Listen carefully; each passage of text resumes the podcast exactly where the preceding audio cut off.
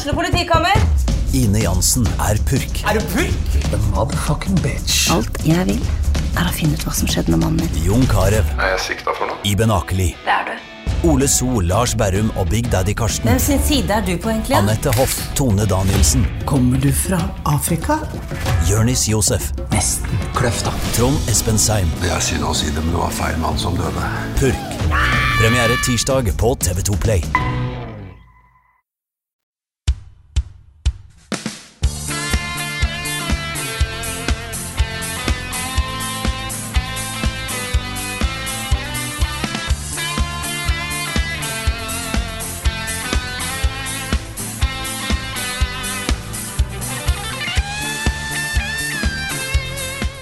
Hjertelig velkommen til en veldig spesiell episode av podcasten der fire menn ikke har spilt Tears of the Kingdom, men én mann har spilt Tears of the Kingdom. Dette er Level Backup.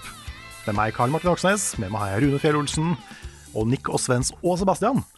Pølsefest! Ja, det er fem menn i podcasten. Det er ikke ofte det er det. Nei, det er, dette er uh, ordentlig pølsefest. Men dette er jo av en spesiell, spesiell anledning. Det er det. Dette er jo siste uka di, Sebastian. Riktig. Så vi tok en uh, liten markering og var på Tranen og spiste amerikanske pannekaker og egg og bacon. Det var Det var godt. godt. Det var kjempegodt.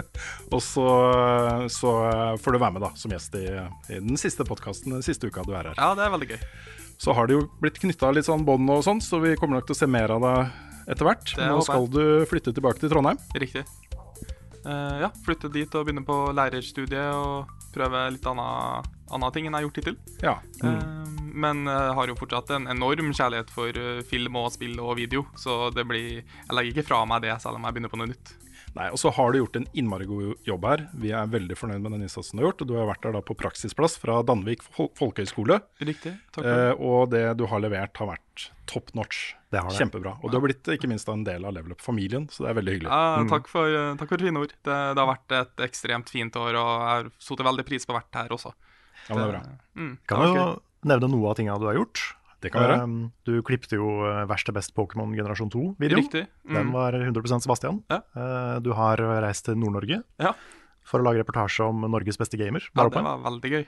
Uh. Så uh, du har gjort, uh, gjort mye. Jeg håper at du har hatt det gøy. Klassikerinnslag har du lagd. Ja, det har du Ja, også. Et veldig var... veldig fint klassikerinnslag om Firewatch.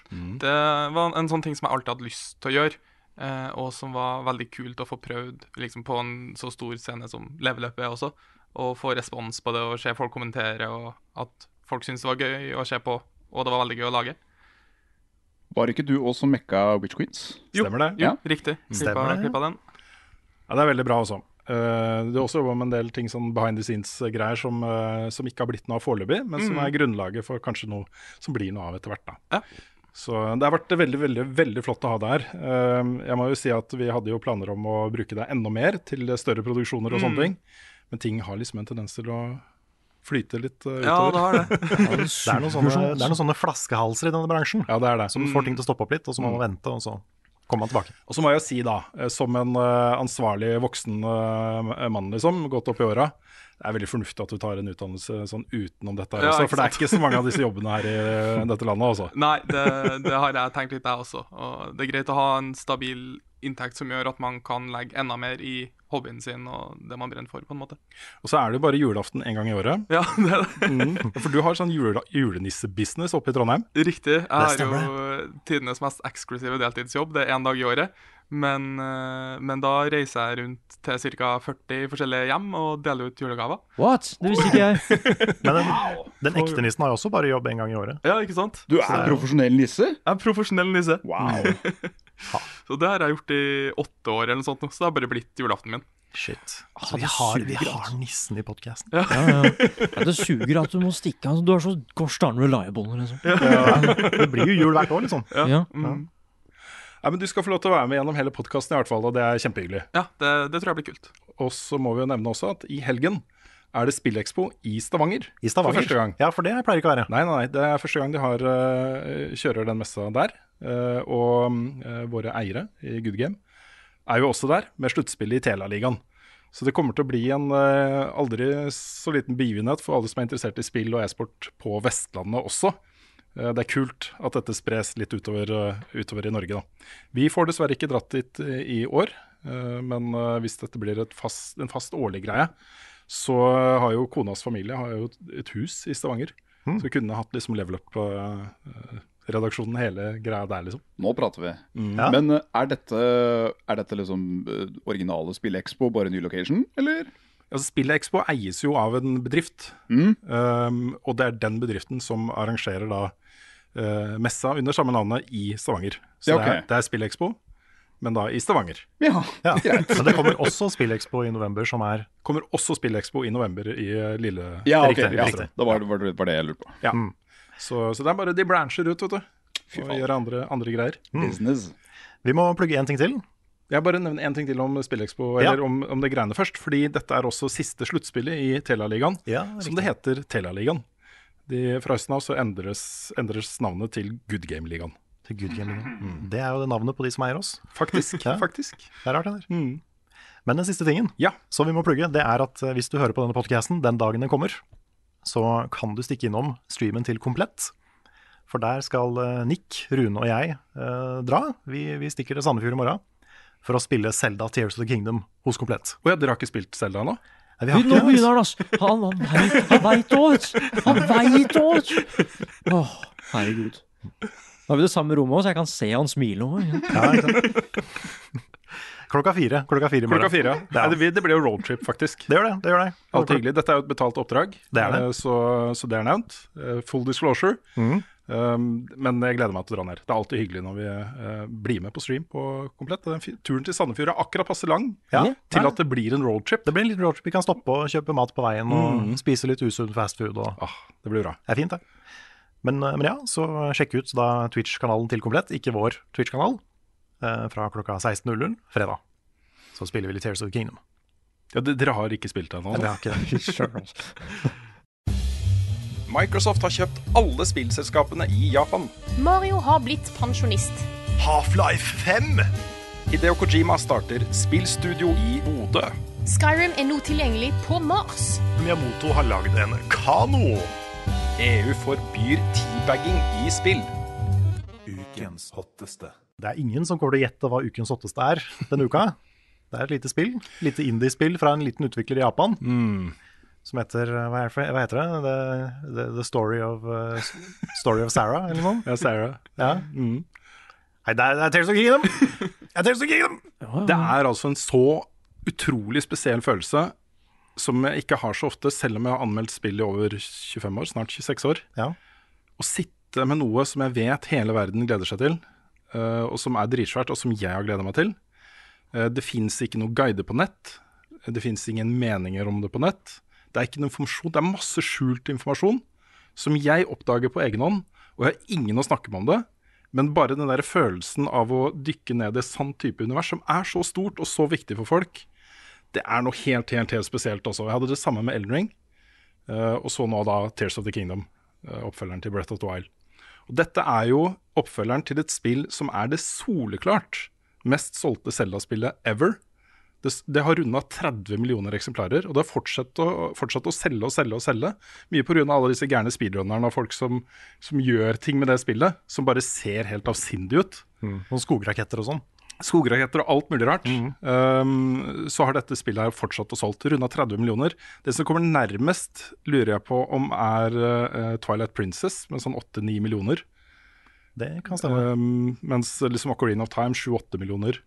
Så det, det er der de ligger, da. De mest solgte Zelda-spillene ligger rundt der. Og så er det et spill som har solgt 30 millioner eksemplarer. Og mye av grunnen til det er jo at med Breath of the Wild så gjorde Nintendo ting med åpen verden-sjangeren som hvis, du, hvis den først treffer deg, den derre friheten du får til å oppdage en spillverden på egen hånd på den måten de legger til rette for her, så er det ingenting som er mer engasjerende. Det er helt sant. Og fram til nå, da, så mener jeg det er bare to spill som er sånn som åpen verdensspill bør være. Og det er Breath of the Wild og Elden Ring. Det er de to som har fått til den derre 'dette er din verden', det er du som oppdager den. Eh, masse av det aller, aller, aller beste innholdet i begge de to spillene er valgfritt. Du må ikke innom det for å, for å liksom fullføre spillet og, og ta siste bossen og få rulleteksten og sånt. Du må oppdage det på egen hånd. Og i Elden Ring så har du sånne ting som Melania og, og Mog og masse greier, liksom. Du må ikke innom det i det hele tatt. Og det er på en måte det arbeidet de har lagt ned i de der optional-områdene, som du oppdager på egen hånd, som er hemmelige, liksom. Det er det som på en måte er kronen på sånn type verk for meg, da. Så det første jeg vil si om Tears of the Kingdom Jeg vil bare nevne at jeg skal ikke spoile noe, for det er mye i det spillet som ikke er kjent. Det kan jeg bare love dere. Eh, Hvis du har vært stressa på at det er på det samme kartet, eh, ikke vær stressa på det. Jeg lover. Jeg lover, jeg lover at det eh, ikke er et problem. Eh, men det første jeg vil si, er at Tears of the Kingdom er enda et hakk hvassere, et ganske stort hakk hvassere, på det å finne eh, greier på egen hånd. Uh, jeg må nevne det, det kommer en eh, Det kommer en quest, en main quest, uh, omtrent samtidig med at du får muligheten til å gå og ta sistebossen. Uh, og den virka veldig viktig, så jeg brukte masse tid på å prøve å finne den. Men klarte ikke. Så fem-seks timer tror jeg gikk rundt og leita, fordi du får noen hint om hvor du skal se, men ikke, ikke noe konkret. Det er ingen quest markers på kartet uh, som viser deg hvor du skal. Eh, ingen konkrete beskjeder om at du må dra dit. Eh, ingen rollefigurer som forteller deg når du snakker med dem, om at jo, men du må jo dra dit. Ikke sant? Du må finne det på egen hånd. Og jeg fant det ikke. Så jeg gikk og tok siste bossen. fikk rulleteksten og var sånn Pokker eller jeg, jeg må jo finne ut hva det var for noe. Så jeg gikk tilbake til en tidligere save eh, og leita videre. Og for det første, måten jeg fant, måten jeg fant den questen på, er altså så jævlig smart. Eh, løst av Nintendo. Eh, og for det andre, her fikk jeg da en sånn tre-fire timer lang quest som er den beste i spillet. Og du kan misse den. Du kan misse den fullstendig. Eh, og det, var, det er flere sånne eksempler fra dette spillet her. Så det er, det er sånne ting som, som, som er så Hvis du ser for deg Nintendo som spillutvikler, så er de jo egentlig ganske konservative. Det er ikke så ofte de går utenfor det forventa og det trygge. Eh, innenfor det så innoverer de masse. Og så eh, Mario, Super Mario-spillene har masse innovasjon og kreativitet og skaperglede og sånne ting, men det er som regel det spillet du forventer det skal være. Mm. Du forventer dette av Nintendo. Uh, når de går utenfor den der uh, faste boksen og liksom tenker at nå skal vi bare overraske folk, så blir det gjerne noe helt spesielt også. Og Breath of the Wild var et sånt spill. Tears of the Kingdom er et sånt spill. Uh, WarioWare, sånt spill. Eh, Paper Mario. Eh, dette er altså noen av verdens beste utviklere. De har så koll på plattformen de lager spill for, og på eh, hvordan man skal få ting til å være gøy. Eh, og når de bruker den kompetansen sin til å bare sprenge forventningene, så blir det noe helt spesielt også. Og sånn er dette spillet her. Så jeg skal ikke uh, spoile, som sagt. Uh, anmeldelsen min er ute på NRK nå. Uh, det ble selvfølgelig terningkast seks. Jeg, jeg mener dette er det beste spillet Nintendo har lagd. Det er, Wow. min, Wow. min, det er store ord. Men det treffer meg mye sterkere enn Mario-spill gjør. og sånt, og Selv om det er flere av de også fortjener Ternica 6, syns jeg, og, og Metroid ikke minst. Det her er nesten like bra som Elden Ring for meg. Også. Nesten like bra. Det er millimeter unna. De to er så like for meg i hodet mitt akkurat nå at, uh, at uh, jeg er helt blåst av banen av det. Men jeg har tenkt å komme med noen tips. Øhm, skal vi se. Jeg, bare, jeg har lagd inn notater, sånn at jeg ikke bare begynner å prate masse utover um, uh, uh, Utover øh, hva jeg egentlig har lyst til å, å si til folk, da. Um, jo, jeg vil også bare si at, at disse bygge- og sammensmeltingsmulighetene du får her, dette er jo nytt da, kontra hvordan Breath of the Wild var. Du får tilgang til noe som heter sånn Zonai-teknologi. Du får vite mye mer om hvem Zonai var i dette Ja, for de ble bare hinta til i det Ja, første. Nå, nå får du mye mer. Hmm. Det er en utrolig god historie her, som blir også jækla godt fortalt, også. Eh, Det er noen sekvenser i, i den historien som er amazing. Eh, Men Du får vite mer om Sonai, men du får ikke minst da bruke teknologien deres. Og alle disse templene og de sånn mystiske, magiske tingene som er i dette universet, er jo Sonai-teknologi. Eh, Og den får du da bruke. Um, her kan du da bygge kjøretøy, f.eks., uh, som kan gå til uh, lands, i lufta og til havs. Til, uh, og du kan lage eh, stridsvogner med raketter og greier. Du kan lage konstruksjoner som gjør, gir deg tilgang til områder som du ikke normalt sett får tilgang til. Og du kan bruke det til å ødelegge spillet. Det er flere av de questene hvor du får liksom Ok, her har du alle disse materialene som du kan bygge. Du kan også skape dine egne materialer etter hvert. Um, du skal over den greia her som har den lavaen på den siden. Og du, du, må bygge en konstruksjon som gjør at du kommer deg over. Og jeg sto på en av de ganske lenge og fikk det ikke til. Den der greia ramla ned i lavaen hele tiden. Så endte det med at jeg begynte bare å legge alle delene på lavaen bortover, sånn. Sånn at jeg fikk frakta den tingen jeg skulle frakte over til andre siden. ikke sant? Så, så du kan gjø bruke de greiene til å gjøre uh, spillet overkommelig på en måte som er, som er ganske smart, altså. Mange veier til rom. Mange veier til rom. For jeg, jeg er litt spent på om det spillet jeg klarer å på en måte klø den der besiege-itchen for meg. Ja. Jeg, jeg er av de Ja. elsker besiege. Mm. Hvor du bygger sånne små maskiner til å på veldig klønete vis ødelegge en bygning og, og sånn. Mm. Hvis det er litt sånn, så kommer jeg til å sluke det. altså.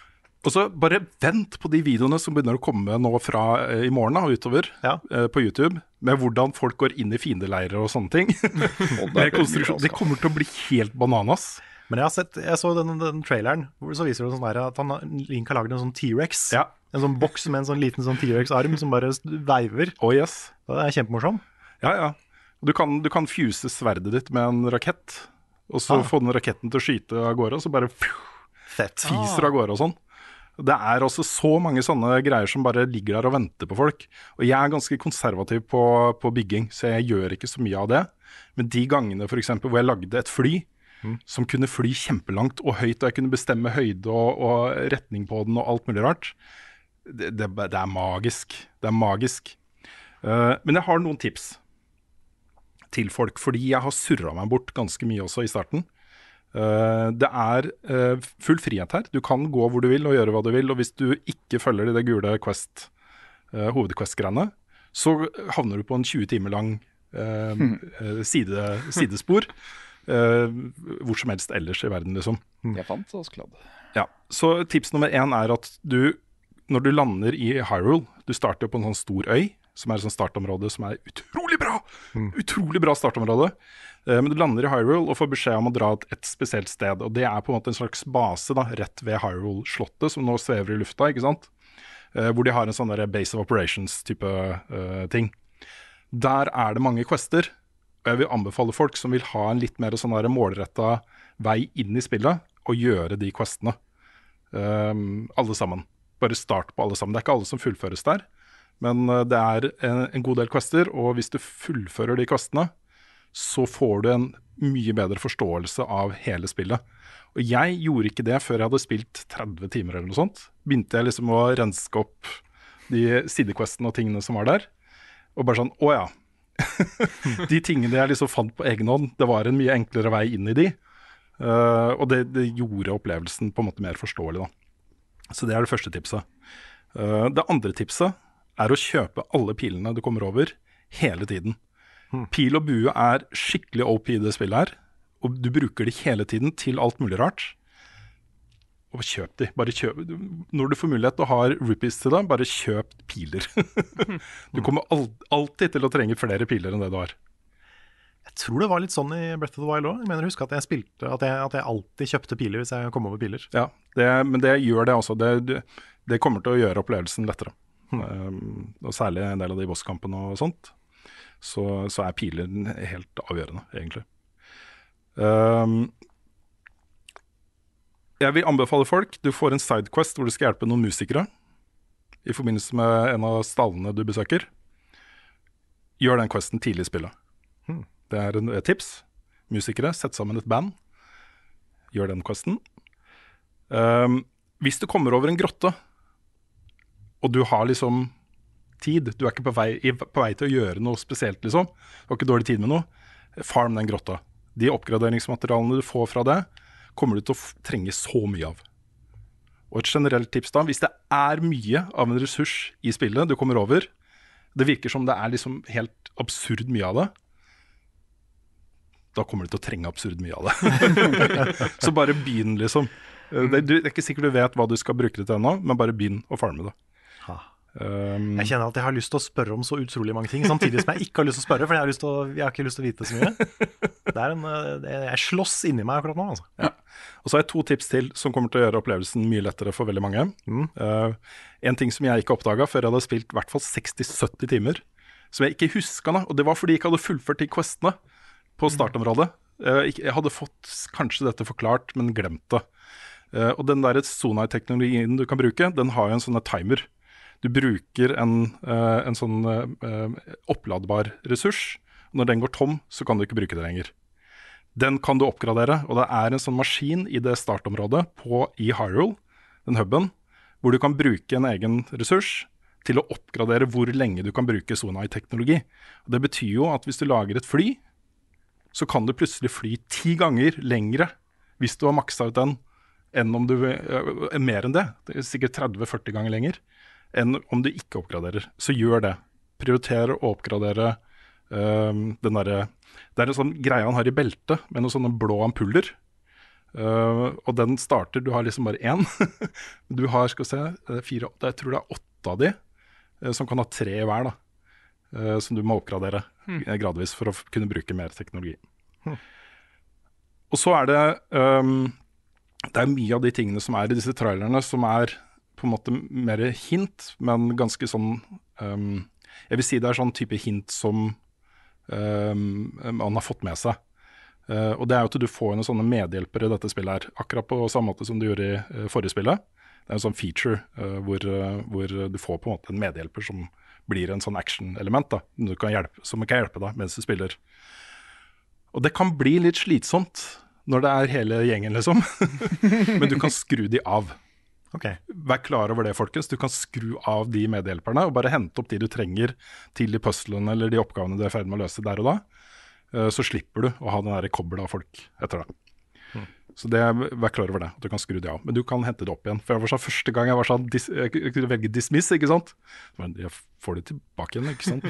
jeg må teste, så jeg tok med den jeg trengte minst, og så fikk kunne jeg bare hente den rett tilbake igjen. Så det var, var ikke noe problem.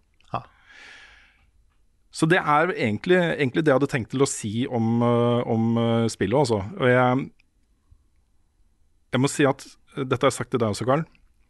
Uh, alle som er redde for spoilere for dette spillet og sånt. Det er mulig å spoile dette spillet, fordi det er ting her som ikke er kjent.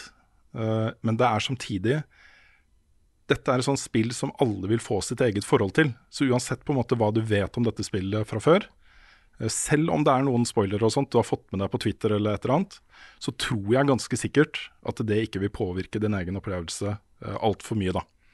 Um, jeg tror heller ikke det at jeg sitter og bare selvsikkert sier at det er det beste spillet Nintendo har lagd, kommer til å påvirke folk. Jeg er veldig veldig rolig på at hvis du likte Breath of the Wild, så vil, vil du også elske det spillet her. Det er jeg helt, helt sikker på. Um, og det er um, um, det er ting som ikke er så bra med dette spillet, uh, som jeg skulle ønske var bedre. For eksempel um, Jeg husker ikke, Kunne du kalle Tida hesten når som helst og hvor som helst i Breath of the Wild? Du kunne det etter hvert med en delelse. Ja, fordi det kan du ikke her. Jeg har i hvert fall ikke funnet en måte å gjøre det på. Og jeg har ikke tall på hvor mange ganger den hesten bare har forsvunnet. Og jeg, fordi jeg plutselig så sitter jeg på en sånn blokk som jeg kan reversere tiden, ikke sant? og så er jeg i lufta, og så flyr jeg til et helt annet sted. Og så hesten er liksom mange kilometer andre veien og hører ikke at meg, jeg plystrer, ikke sant? Så den hesten har blitt litt unødvendig i det spillet her, og det er litt dumt. Ja, ja for det, sånn var det også i Breath of the Wild. Jeg brukte nesten aldri hest. Um, og jeg, det kan hende nå, nå snakker jeg bare ut av ræva, for jeg har ikke begynt på spillet engang. Men det kan hende det finnes en maske eller et eller annet sånt Ja, i spillet det det- som gir deg den muligheten.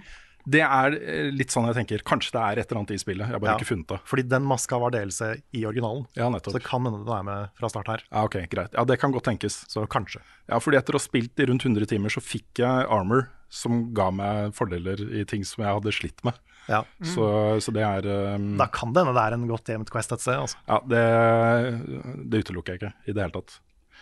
Og så er det også sånn at øh, jeg syns den derre savnet etter dungeons, jeg syns det er dekka mye bedre i Tears of the Kingdom enn det var i Breath of the Wild. Ok. Det er kanskje ikke alt av det som er direkte dungeons, liksom, men det er dungeon-aktige opplevelser. Jeg tok meg ofte i å ha gjort en quest eller en- en oppgave som jeg ikke skjønte var en quest eller oppgave i starten, men som til slutt Plutselig så var jeg i en bosskamp, liksom. Uh, og da forsto jeg at det jeg hadde vært gjennom opp til da, det var en slags dungeon. Og den hadde vart i tre timer, liksom. Ja, det er en bra dungeon. Da. Ja. Ja. Så, så det er mer den der følelsen av å gjøre en stor oppgave bestående av flere enkeltdeler som til slutt ender opp med en skikkelig god belønning eller en dritkul bosskamp. Um, det er mer den måten de har gjort det på, enn å, nå går du inn i en buet dør, og så ned en trapp, og der er dungeon, liksom. Mm. Det er mye mer av det, det andre, da. At det er mer en sånn derre Du skjønner det ikke helt før du har fullført det. Ja. At det er en dungeon-aktig opplevelse. Ja, jeg skjønner. Nei, for jeg, jeg er ikke en av de som på en måte må ha den der, det der gamle dungeon-formatet med small keys og dører som låser seg, og så er det må slåss litt, og så er det dører, og så er det big key, og så er det boss. Mm. Det er ikke så viktig for meg. Nei. Det er noen sikkert som det er viktig for, men øh, jeg har bare lyst på kule, varierte liksom, opplevelser. Da har jeg en gledelig nyhet til deg. Det får du. Ja, så bra. Det får du. Så bra. Jeg gleder meg. Jeg gleder meg. Men nå er jeg øh, åpen for spørsmål. Eh, da gir jeg liksom rommet mulighet til å stille spørsmål hvis det er noe dere har lyst til å spørre om. Så øh, kan jeg svare på det, så lenge det ikke er en spoiler-ting. Hmm, nå må jeg tenke her. Er det liksom eh, Mye av historien til det forrige spillet var fortalt i flashbacks og sånn. Fordi du måtte finne ut hva Link hadde glemt og sånn. Er det liksom Jeg håper det fortsatt er like mye åpent, men er det litt mer fokus på historie i det nye? Jeg kan ikke gå i altfor mye detalj her, men etter å ha spilt spillet, så sitter jeg igjen med en følelse av blitt fortalt en skikkelig god fantasy-historie. Ah, ok, cool. Eh, med massevis av kule twister og eh, kule hendelser. Mm. Og ikke minst veldig stilige rollepersoner. Um, som har dramatisk innvirkning på det du faktisk opplever i spillet. Ok. Um, og ikke minst så syns jeg Ganondorf er fuckings amazing! Hele den greia der eh, er, er en av de kuleste delene med hele spillet. Okay. Og det er mye pga. hvordan det fortelles og historien og, og sånt også. Sweet. Så jeg, jeg syns historien i dette spillet her er eh, god og bedre enn den var i Breath of the Ja, Wild. men det er jo det vi hører, ikke sant? Men det som, det, som, det som er litt kult, er at hvis du har spilt Breath of the Wild, og så uh, følger opp med Tears of the Kingdom, så er det som om du sitter og ser på Ringenes herre, liksom. Uh, eller leser bøkene. Du får liksom en forlenga historie uh, som starter naturlig der hvor den forrige slutta. Det er kanskje litt mer adskilt, da, fordi Breath of the Wild kunne jo Det kunne hende at det var en isolert opplevelse. ikke sant? Så de har på en måte funnet opp en fortsettelse. Det er mulig at den har ligget der et sted i bakhodet hele veien. Men det er, en, det er på en måte en, sam, en sammenhengende stor historie, dette her. Eh, Med de samme rollefigurene og, og det samme liksom grunnleggende plottet. da. Eh, Så, så jeg syns historien i Tears of the Kingdom er Jeg, jeg Fader, altså, jeg begynte å grine et par ganger. Wow, wow, Og det, det var eh, fordi det var så godt fortalt. Ha, Mm. det har jeg aldri gjort av en Zelda-historie. Nei. Det Det er, er, det er mange Zelda-historier som jeg vil liksom beskrive som kule, Mm. men de, har, aldri- de har aldri vært så emosjonelle for meg. Nei, det, Nei, det ja. blir ordentlig emosjonelt. Faen, jeg er enda mer spent nå. Ja. Ja, hvor emosjonell kan det bli da? Ja. Nei, det er særlig Ja, det er, er ok. Ja, det er, jeg har 100 ting jeg vil spørre om, Mm. men jeg vil ikke spørre om dem. Det er, det er veldig vanskelig. Altså. Jeg har et spørsmål. Ja. Uh, jeg husker fra Breath of the Wild, så var det våpensystemet med at de blir ødelagt, og du må konstant plukke opp nye våpen. Veldig godt spørsmål, Ja. new guy. Ja, det, var det, det var det jeg vurderte å spørre om. Og så er det sånn her, skal jeg spørre Jeg, om det, skal jeg vente? jeg vet ikke om du nødvendigvis trenger å forklare akkurat hvordan det fungerer, men er det, er det gjort noen forbedringer eller endringer på det systemet? Dette syns jeg jeg kan snakke litt om. Fordi ehm, ja, våpnene ødelegges fortsatt. Mm. Uh, noen våpen har bedre holdbarhet enn andre. Mm. Uh, noen våpen er mer effektive mot visse typer fiender enn andre. Mm. Men uh, du har her ofte da et, et base-våpen som du kan fuse andre materialer inn i uh, og gjøre det mye sterkere. Og da Ja. har alle de tingene du kan fuse inn, har en attack value Okay. som varierer da fra 1 til opp til noen og 40-50, liksom. Ok, Ja. Um, og jeg tror det kraftigste våpenet jeg har nå, er på sånn type 70 attack power eller noe sånt. Ja. Og en kvist, en grein, er én, liksom. Ja, Um, så det du gjør, er at du har kanskje et bra grunnvåpen som er solid, eh, av jern eller stein eller et eller annet. Og så kan du fuse noe du har fått fra tatt en, en, eh, boss eller et eller annet, Ja. inn i det våpenet. Og plusse på bare attack poweren fra det i det andre våpenet.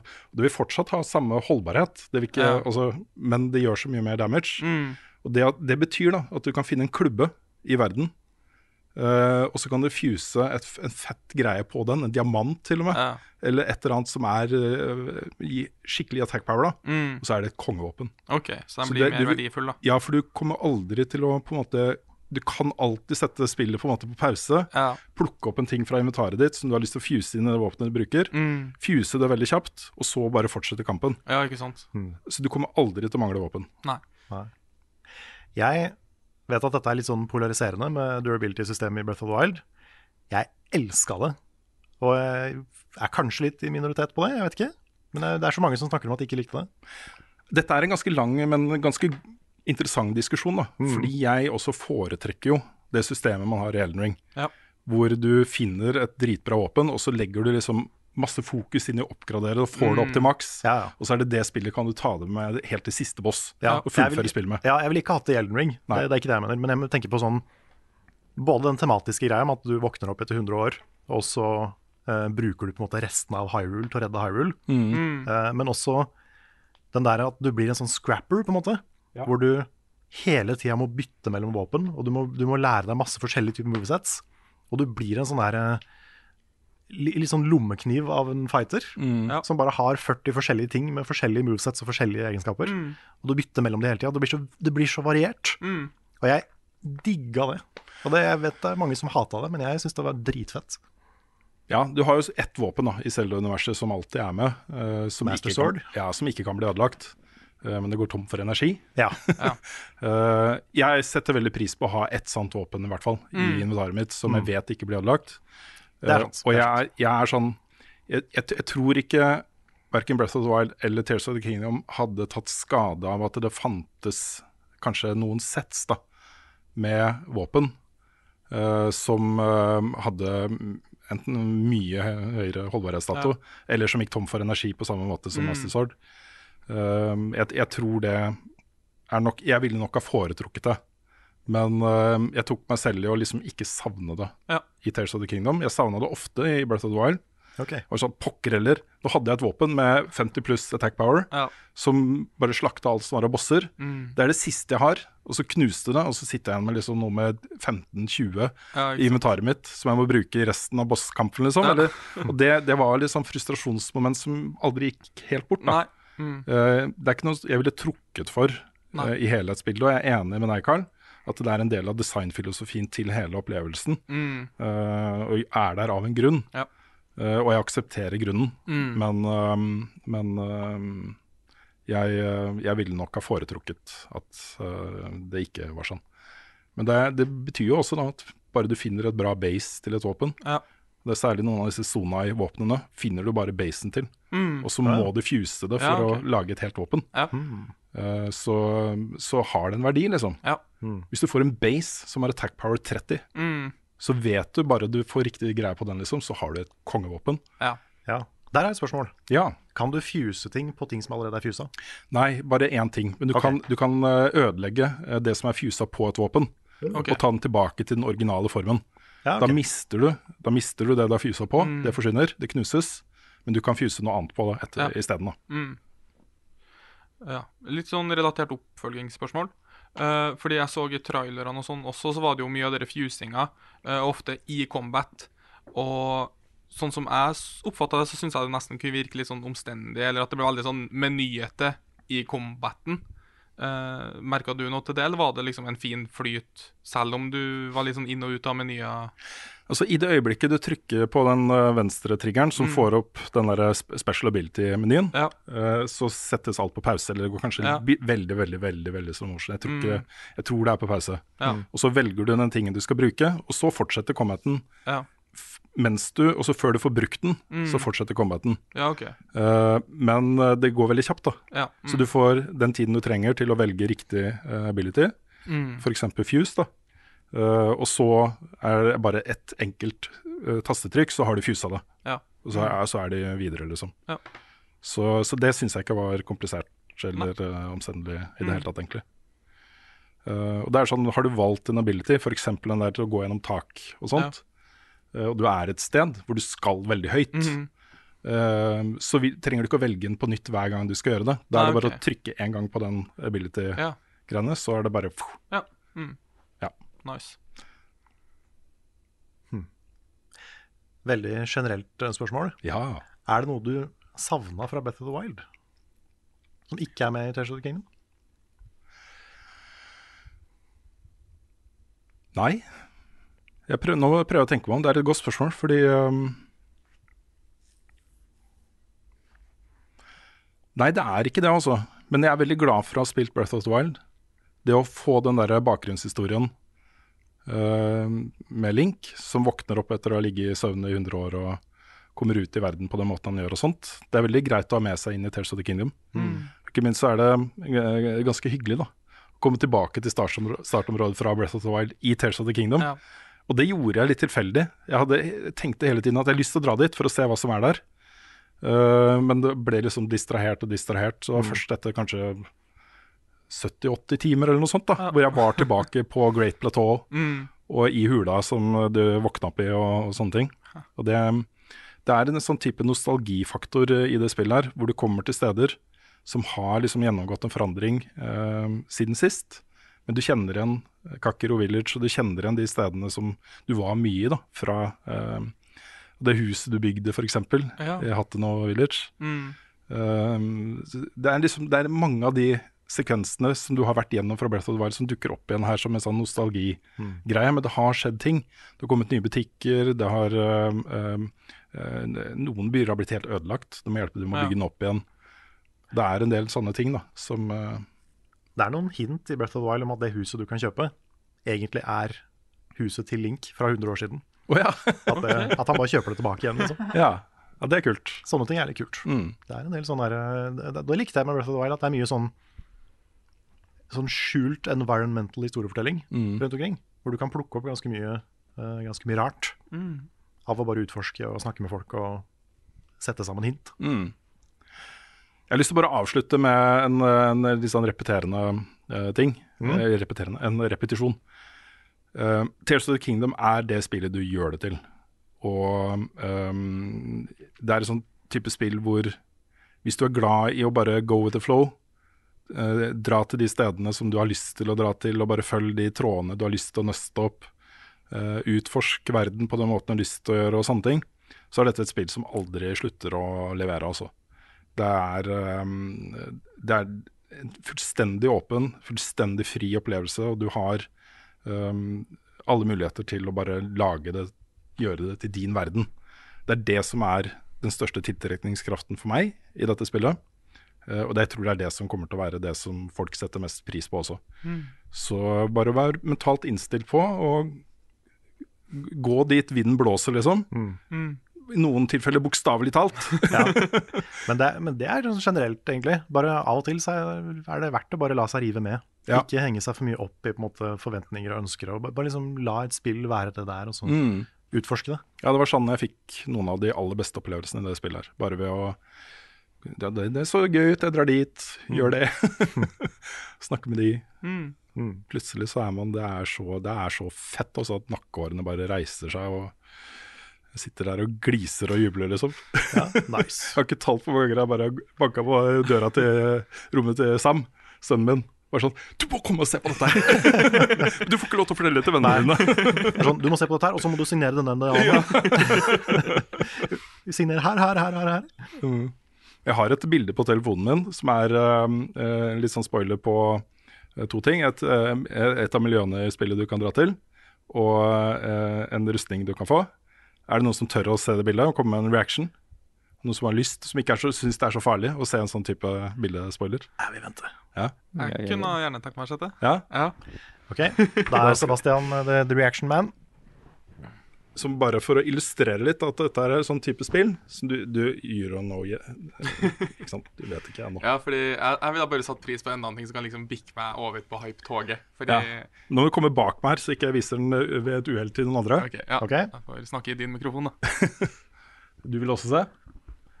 Ok, Sebastian og Svens. dette, dette er noe for deg, eh, Svens, skjønner du. Altså. Mm. Ja, ikke sant? Ja. Hva er det de ser på nå? Ja, hva er det de ser på? Mm. Bes Nick, beskriv hva du tror de ser på. Hæ? Beskriv hva du tror de ser på. Oh, eh, for jeg trodde det var en penis, liksom. På En en eller annen penis, måte. Men de hadde ikke hatt den reaksjonen der da. Nei, nei, for jeg tenker nå at liksom det er sånn Bloodborne-suit. Ja, for jeg begynner kanskje å lure på om Ja, det tar en Ja, det er faktisk helt bra. Det tar en FromSoft-vending. Ja, at det er, en, en sånn at det, at det er det. Du kan ri på kanin. Du kan ri på kanin, ja. Wow. Eh, hvis, for, for å legge Nei, det du sånn ikke, må ikke si fordi dette, nei, jeg skal ikke, jeg skal dette ikke er kjempespoiler. Altså. Men, Oi, eh, men hvis jeg var usikker på om jeg var hyped for spillet fra før av, så ble jeg nå sikker på at jeg er hyped for spillet. wow. Fordi På, grunn, på grunn av en rustning, altså? Ja, ja generelt bilde. Ja, bildet Mm. Ok, Hva kan det ha vært? Og kanskje Ja, Og det var, det var et, eh, et eh, gameplay-bilde hvor jeg bare skrudde av HUD-en. Ja. eh, Ja. Okay, okay. Ok. kult. Ja, okay. Minn meg på Rune, Mm. etter at jeg har spilt spillet, Ja. så vil jeg se bildet. Ja, men det, Ja, det, det er er sånn greit. det Det er greit, det er greit. Mm. Jeg har så lyst til å poste det bildet etter at spillet er ute, men det, det kom så seint i spillet at jeg kan ikke gjøre det ennå. Ja, det er, det er det Mushroom Kingdom. ja det, er, det er Mario. Det er, det er Mario-hatten. Å, det er Metroid! Ja, det er, det er Samus. Ja, det er Det er det Samus-drakta, det er. Det er det det er. Men all right, skal vi kanskje runde av eh, Tears of the Kingdom-praten nå, eller? Let's move on. Det er altså, Jeg gleder meg sånn. Vi kommer til å snakke om dette spillet mye Ja. framover. Altså Neste uke, neste podcast, Ja. så har vi jo alle spilt det. Mm. Da kommer vi til å ha så mye mer å si om det. Jeg foreslår at vi tar en eh, full eh, spoilercast så fort som mulig på det spillet her. også. Det er så mange ting jeg har lyst til å snakke om. Ja, det må vi gjøre. Tetris. Skyrim. Destiny 2. The Sims. Edderkoppkabal. Destiny 2. Animal Crossing. Pokémon Cola eller Pokémon Pepsi. Destiny 2. Guitar Hero. Kingdom Hearts Bohemian Boogaloo. Destiny 2. Level Ups spilleliste. Da er det tid for å snakke om hva vi andre dødelige har spilt. Vi som- dere har ikke spilt også? Nei, vi har ikke, vi har ikke mm, Det er litt rart, altså. Vi har ikke spilt Zelda ennå. Det Jeg har spilt så mye Zelda, vet du. Ja, du har det. Jeg, vet du hva, det står ikke på saven hvor lenge jeg har spilt, Nei. Men jeg er helt sikker på at det er over 100 timer. Det er to uker siden jeg har sett deg, egentlig. Ja, men altså, det har gått non stop. Ja. Altså med unger. Jeg har vært på Tusenfryd en tur Ja, det- og litt sånne ting, liksom. Nick, Men uh, jeg lurer på om Rune har spilt til det. ja, det- Ja, jeg, jeg, jeg skal ikke overraske over måten han prater om Jeg har vært litt Liksom. bortpå. Altså. Jeg tror jeg har vært litt bortpå. Er borte? Jeg har vært litt borte. jeg tipper sånn at jeg har spilt sånn 120-ish timer. Wow. Ja, så Fy fader. Fy fader. Men eh, jeg har eh, begynt på et spill som jeg tror flere av oss har tenkt å spille. Der kom det et eh, bekreftende host fra Svendsen. Darkest Dungeon 2. Darkest Dungeons DOS. Yes. Ja. Hva, hva syns vi om det? Det- det- Jeg har ikke spilt noe særlig originalen. Jeg har bare så vidt vært borti det, og så har jeg sett dere spille det på stream og, og sånn. Nei, Men dette er ganske annerledes. ja. Uh, Snu meg litt over til dere likevel, jeg. Ja, uh, Eh, mikrofonen, hallo. Ja, hallo. For uh, jeg og Nick, vi er jo, uh, skulle du si, veteraner av uh, The First. Ja, fanboys, yes. Veldig fanboys. Eh, og jeg tror det var en viking som sa da at jeg har sånn 1000 timer i Dark Souls 1. Nei For det har jeg faktisk ikke. Eh, nei. Darkest, Darkest Dungeon 1. Darkest Dungeon 1. Ja. Eh, og det er fordi at det er Prat for seg sjøl. Helt fantastisk. Uh, og For det har litt samme gameplay-loopen som Ja. Returnal, ikke sant? så jeg skjønner jo at, ja. jeg skjønner jo at det er bra. det er en, det er en avhengig, avhengighetsdannende loop. Mm. Da, da trenger du egentlig ikke så veldig mye mer. Uh, og det er jo desidert en loop i Darkest Dungeon 2 òg. Um, det er bare den derre um, traversing-metoden med den hest og kjerre, den er hakket hvassere mer uh, rogelight enn det, enn det um, det var å bare vandre gjennom en dungeon i Darkest Dungeon 1. ja. ja for okay. her, her har de gått full rogelight, på en måte. Ja, de har det. Vi må ta et skritt tilbake, fordi Darkest Dungeon må forklare litt hva konseptet er, Ja, for folk ja. som ikke kjenner. Fordi jeg tror mange har sett liksom bilder fra det spillet og sett det blitt omtalt og sånt, men hva er det faktisk? Dette er et sånn typisk uh, spill uh, som man har hørt om før. At eh, åh, det er verste møkkaspillet du noen gang har sett. Du bare dør og dør og dør, og alt er nitrist. Ti av ti. Ja, for du, Ja, er setter, sammen, du setter sammen en gjeng med folk med Yep. forskjellige abilities og styrker og svakheter og sånt. Yes. Og så skal du eh, gå på sånn turbaserte kamper, Nettopp, eh, ja. skritt for skritt nærmere liksom Skritt siste for boss. skritt. Og så er det jo sånn skulle jeg si, grid-basert ish. Ja. At du har første, første til fjerde posisjon. Og da kan kun en melee-dude angripe de som er foran, og en range kan ta kanskje de som bare er bak. Uh, og så er det jo det at du har dette her i vettumetet ditt. Ja, hvor du blir, eh, du blir Du får mer mer panikk. Ja. Og til slutt, så hvis du, hvis du får panikk, så Ja. får du enten en eh, Du blir enten sånn re resolute, Mm. hvor du får en buff, Eller så, så klikker det for deg, og så Ja. du en meltdown. Da blir det alt fra sadomasochistisk og begynner å slå vennene dine. Og, eller så kan du bli resolute da, og begynne å gi peptalk til folka når de skal slåss og hele pakka. Ja, det er litt for meg som å spille det første Final Fantasy. For det var litt sånn du, du bare går i den første byen, og så går du ut på kartet, og så Oi, der var det to goblins. I'm dead. Ja, Og det er litt sånn at liksom, hver kamp er livsfarlig. ja og det, det er jo for så vidt litt sånn i det første òg. mye pga. hvordan random encounters kan plutselig dukke opp der. Møte på Collector i første dungeon. Det, Ja, det er dårlig business. det er altså. dårlig business. Um, en av de største forskjellene fra eneren er jo det at uh, istedenfor å ha et uh, sånn uh, Jeg har alltid lyst til å si sanitetsmeter, men det er ikke det. Det, det, er, ikke, det, det er ikke riktig. Nei, ikke helt. Sinnstilstandsmeter. Oh, Ja. Panikkmeter, kanskje. Hæ? Panikkmeter, kanskje. Litt klikkometer. Ja, klikkometer. Uh, det gikk fra 0 til 100 i det første bildet. Nå går det fra 1 til 10. Ja. Og det veit jeg ikke om jeg liker, skal jeg være okay. ærlig. For da Det føles ut som det går veldig fort fra at noe går skikkelig bra, til at det går skikkelig bæsj. Og det stacker opp veldig fort. Det gjør det. Ehm, du kunne jo da møte på fiender som kanskje til og med gjorde det helt opp i nærmere 20 sanity damage i det første spillet. Så da var det jo fem runder allikevel, da. Men eh, da var det også sånn Å, jeg fant en fontene, og jeg heala meg sjøl for 60 sanity. Så da var det sånn Ja, ja men det var fem kamper. var sånn Ja, da, da ignorerer vi det. Uh, gameplayet er jo mer eller mindre identisk Mm. som er bra, fordi Dark Sturgeon-gameplay er nice. Uh, men de har jo fått en ganske heftig grafisk uh, overhaul. Det er jo litt sånn fake 3D, på en måte. Ja, visuelt syns jeg det er dritstilig. Ja, det er det. Uh, da er både jeg og Nick ganske glad i den originale stilen i Dark Sturgeon 1. Med liksom sånn stakkato, nesten eh, Åh, hva er det for noe? Sånne papirfigurer du drar i tråder, vet du, så blir det Marionetter. Sånn. Marionetter, ja. Ja. Uh, men animasjonene og lydeffektene At han eksempel han skjoldduden da bare skillbæsjer en dude, og du får den derre Og du ser at det gjør vondt. Ja. Det er ganske mm, tilfredsstillende. Men det er noe med den animasjonstilen ass, i det Ja. spillet her. Nå kjenner jeg dette her mye bedre enn det første.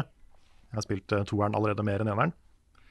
Men, øh, men den derre Du gjør et angrep, og så Hva sa du? Hvis det er lov å si. Ja, det er ikke, ikke lov å si. Jeg sa det. Men når du, tar, når du gjør et angrep, Mm. så bare istedenfor at du får en animasjon fra der han står til fienden, Ja. så bare kutter Ja. kameraet til etter slaget.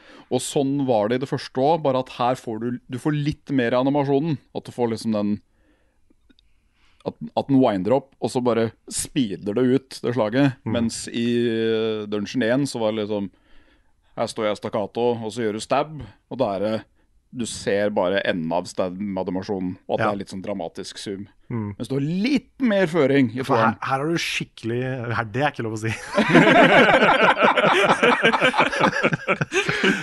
Greit. Men det er, men det er ordentlig punch. Ja, det er det. Jeg syns det er veldig kult animert. Det er det. Um, og så har det jo kommet bare flere og flere Det er mer punch i toeren. Ja, mer punch i det er det. Vi er voksne. voksne. Pølsefest! Pølsepodcasts. Reier, reier. Og så um, har det jo kommet mange flere classes nå enn det det gjorde i uh, early accessen. Mm. Uh, mange nye classes som ikke er med i det første spillet. Ja. Og så er det en, uh, uten, uten å si spesifikt, så er det en returnerende character fra det første spillet, som jeg er jævlig glad i, som uh, har fått en fullstendig rework. Ok. Mm, Og uh, den gleder jeg meg til å prøve ut. Ja. ja, fordi det som er, får jeg inntrykk av, da, største forskjellen, det er den der at de har gått full rogelike nå. Ja. Med at du um, Du er da på en sånn bane opp mot et fjell. Yes. Um, Med bare- branching paths. Med branching paths. Så du velger hvor du skal kjøre. Mhm. Og der kan du møte på masse forskjellig. Du Yes. kan møte på shops og inns og mini sånne quester, nesten. Ja. Og eh, random battles og bosser og ting og tang. Og forskjellige biomes. Og forskjellige biomes. Det var det jo i det første spillet òg. bare at her så kliner det jo til enda et hakk til med den rogelike-elementen at det er ikke nødvendigvis sikkert at du får f.eks. den bremte byen som et valg til neste mission du skal ut på. Mens uh, i det første spillet så har du et world map. Mm. At OK, jeg går til Jeg går til The Darkest Dungeon, og så tar jeg første bane. Ikke helt sikker på om jeg syns det er så kult, skal jeg være helt ærlig. Nei. Um, og så er jeg ikke så kjempefan av Jeg, jeg liker veldig godt hvordan de har eh, presentert uh, den uh, um, fordypninga i hver character. Med at du besøker de shrinesa, vet du. Mm. Og så får du jo Du får vite litt law, og så får du sånn talent points, eller hva det heter for noe. Men det er jo veldig random om du finner en sånn eller ikke, det òg. Det er det. Så det, det er, er det er mye mer, virker det som, da. Mye mer tilfeldig, og det er mye mer run-basert. Ja. At du starter på samme sted hver gang, på en måte. Men for hvert run så får du flere candles Mm. som du kan bruke til å oppgradere ting som du får fra start. Ja. Så du blir på en måte litt bedre for hvert run. Det blir litt sånn som med, Hades og Darkness og Ja, alle og sånn. de her. Som Ja. eh, Rogue Legacy funker sånn. Det er mye, mye mer sånn, sånn som de spillene er, da. Ja. Er det her. Det er bare øh, Av det jeg har prøvd så langt, så syns jeg det virker litt, litt synd. Uh, jeg må prøve det litt mer, selvfølgelig. Men uh, at det å kunne oppgradere characteren din Da mener jeg ikke å levele opp én skill, men å unlocke nye skills. At sjøl det havner på en måte bak en RNG-mur, Mm. det syns jeg er litt tråkig. Ja, jeg ser den. Fordi igjen, første spillet da tar, Du sender folka dine ut, de leveler, og så kan du sjøl på en måte investere ressurser for å unlocke ting. Men hvis karakterer dør i det første spillet, så er det setback. Uh, Er det ikke sånn? Jo, de er permanent borte. Ja. Jeg har holdt opp Gåstein der. Mm. Eller, ja. Fordi her så er jo det mye mindre big deal. Fordi Det er det. sannsynligvis så kommer du til å dø. Og så begynner du på nytt med nye characters med samme klassene, liksom. Mhm. Så det virker som det er mindre fokus på det. da. At det er mer sånn her, du skal bare overleve lengst mulig. Mm. Forhåpentligvis ta bossen etter hvert. Så kommer du til neste del. Var det ikke du som tok, først, øh, tok siste bossen på første run? Det stemmer. I, i, Stemmer det. Jeg spilte det én gang, og så kom jeg til siste boss. jeg spilte den der early accessen. Vet du hva Carl har gått og venta på at du skal spørre om det hele podkasten? Ja, faktisk. Ja, ja, fordi han, han, han har sagt opp. flere ganger nå at han har spilt toeren allerede mer enn han har spilt eneren. Ja, det det? Og han har venta på at noen skal følge opp med det spørsmålet. Ja, ikke sant? Ja, nei, men jeg, jeg Fordi det, det er jo ikke Det er jo litt juks, da. Fordi det var jo eh, Early Access-versjon mm. av, av to, som du spilte på stream. Ja. Og så, rett etter at jeg hadde sett deg spille det på stream, så kjøpte jeg det Og ga det et forsøk. og ga det et forsøk, og runda det. Ja.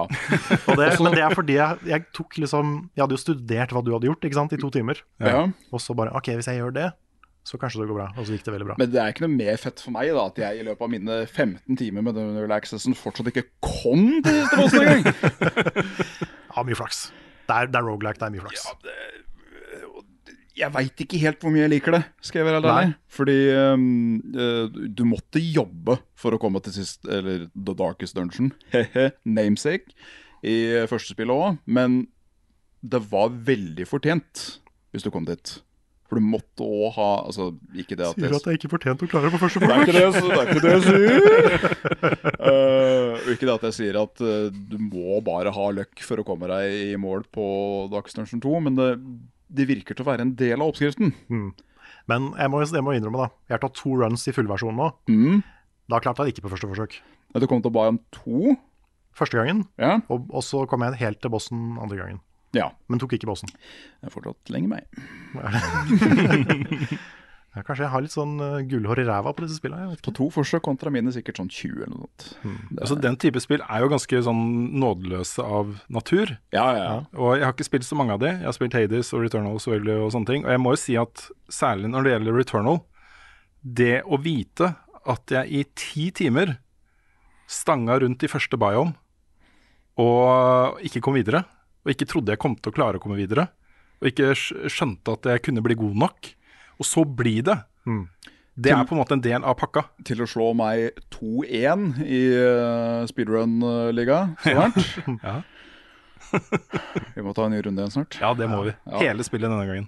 Der. Ja, og så må vi ha en uh, sånn tower-runde en gang. Ja, se- det må vi, det må vi gjøre. Se hvor langt vi vi kommer. ja. Mm.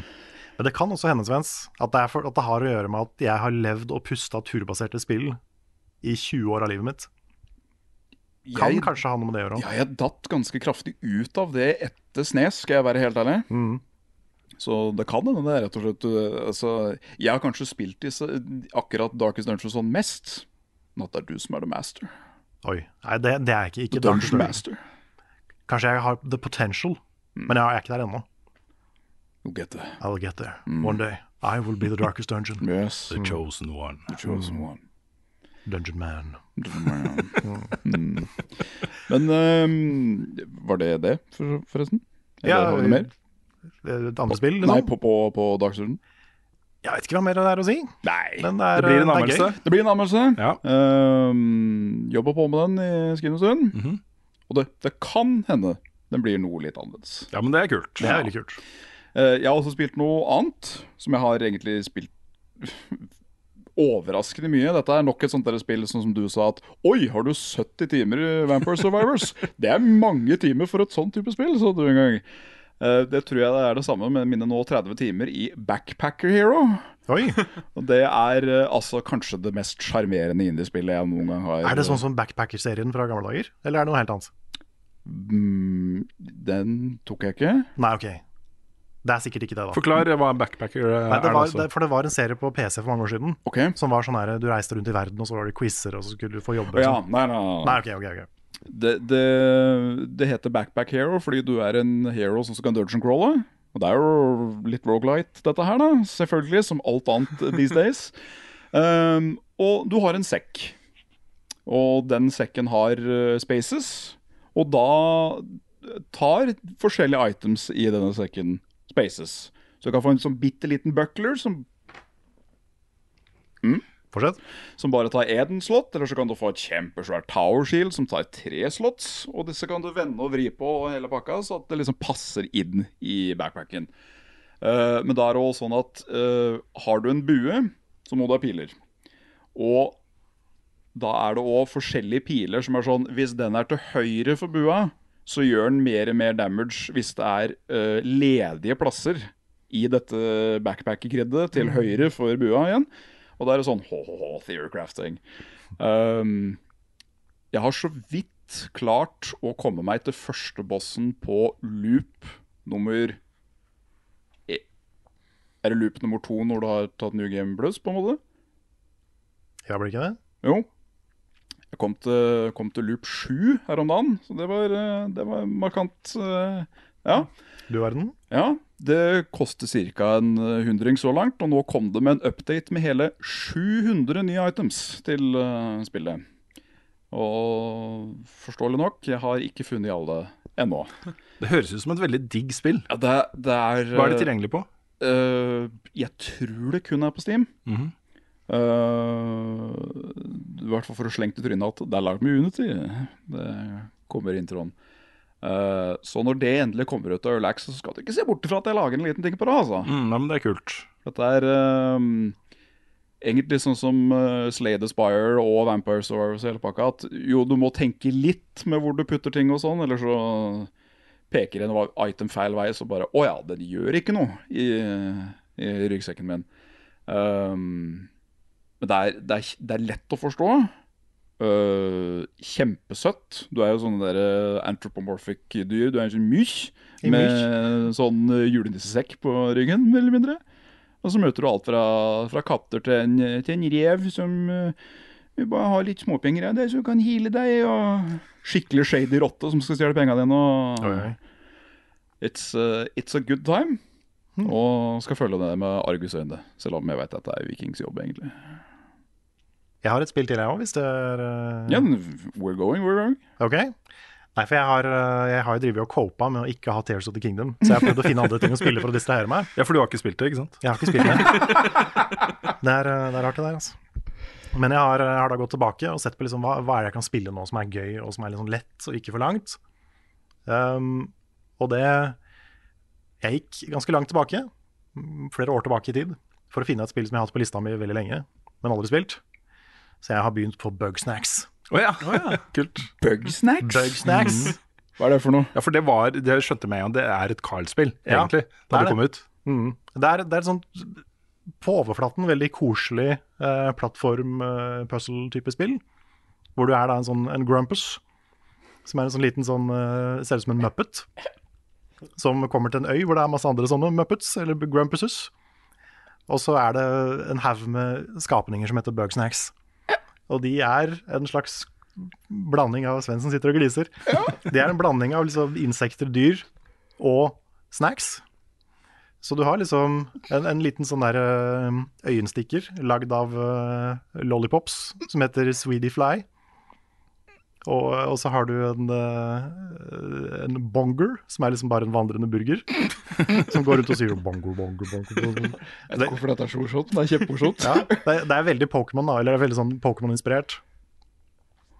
Um, og det er mange det er, Ikke, ikke spillbarheten, men mer med sånn monster, design av Ja, bare designet på monstrene. Ja, ja. De sier navnet sitt og sånn. Mm. Ja, for jeg skulle si, du, du, du har vel òg spilt et Pokémon-ish-spill i det siste, har du ikke det? Ja, Det snakka om forrige uke. Ja, Cassie Ja, okay, greit. Mm. Yes. Stemmer. Men dette her er eh, Det har jo også en litt sånn rar, mørk undertone. Mm. Fordi disse grumpusene, de spiser bugsnacks. Og du må fange dem for at de skal spise dem. Mm. Og hvis du da fanger en strawby, som er et liten sånn der vandrende jordbær, og mater en straw, og den er jo veldig søt, så du har ikke lyst til at de skal spise dem. De er kjempefine. Så det er litt ekkelt.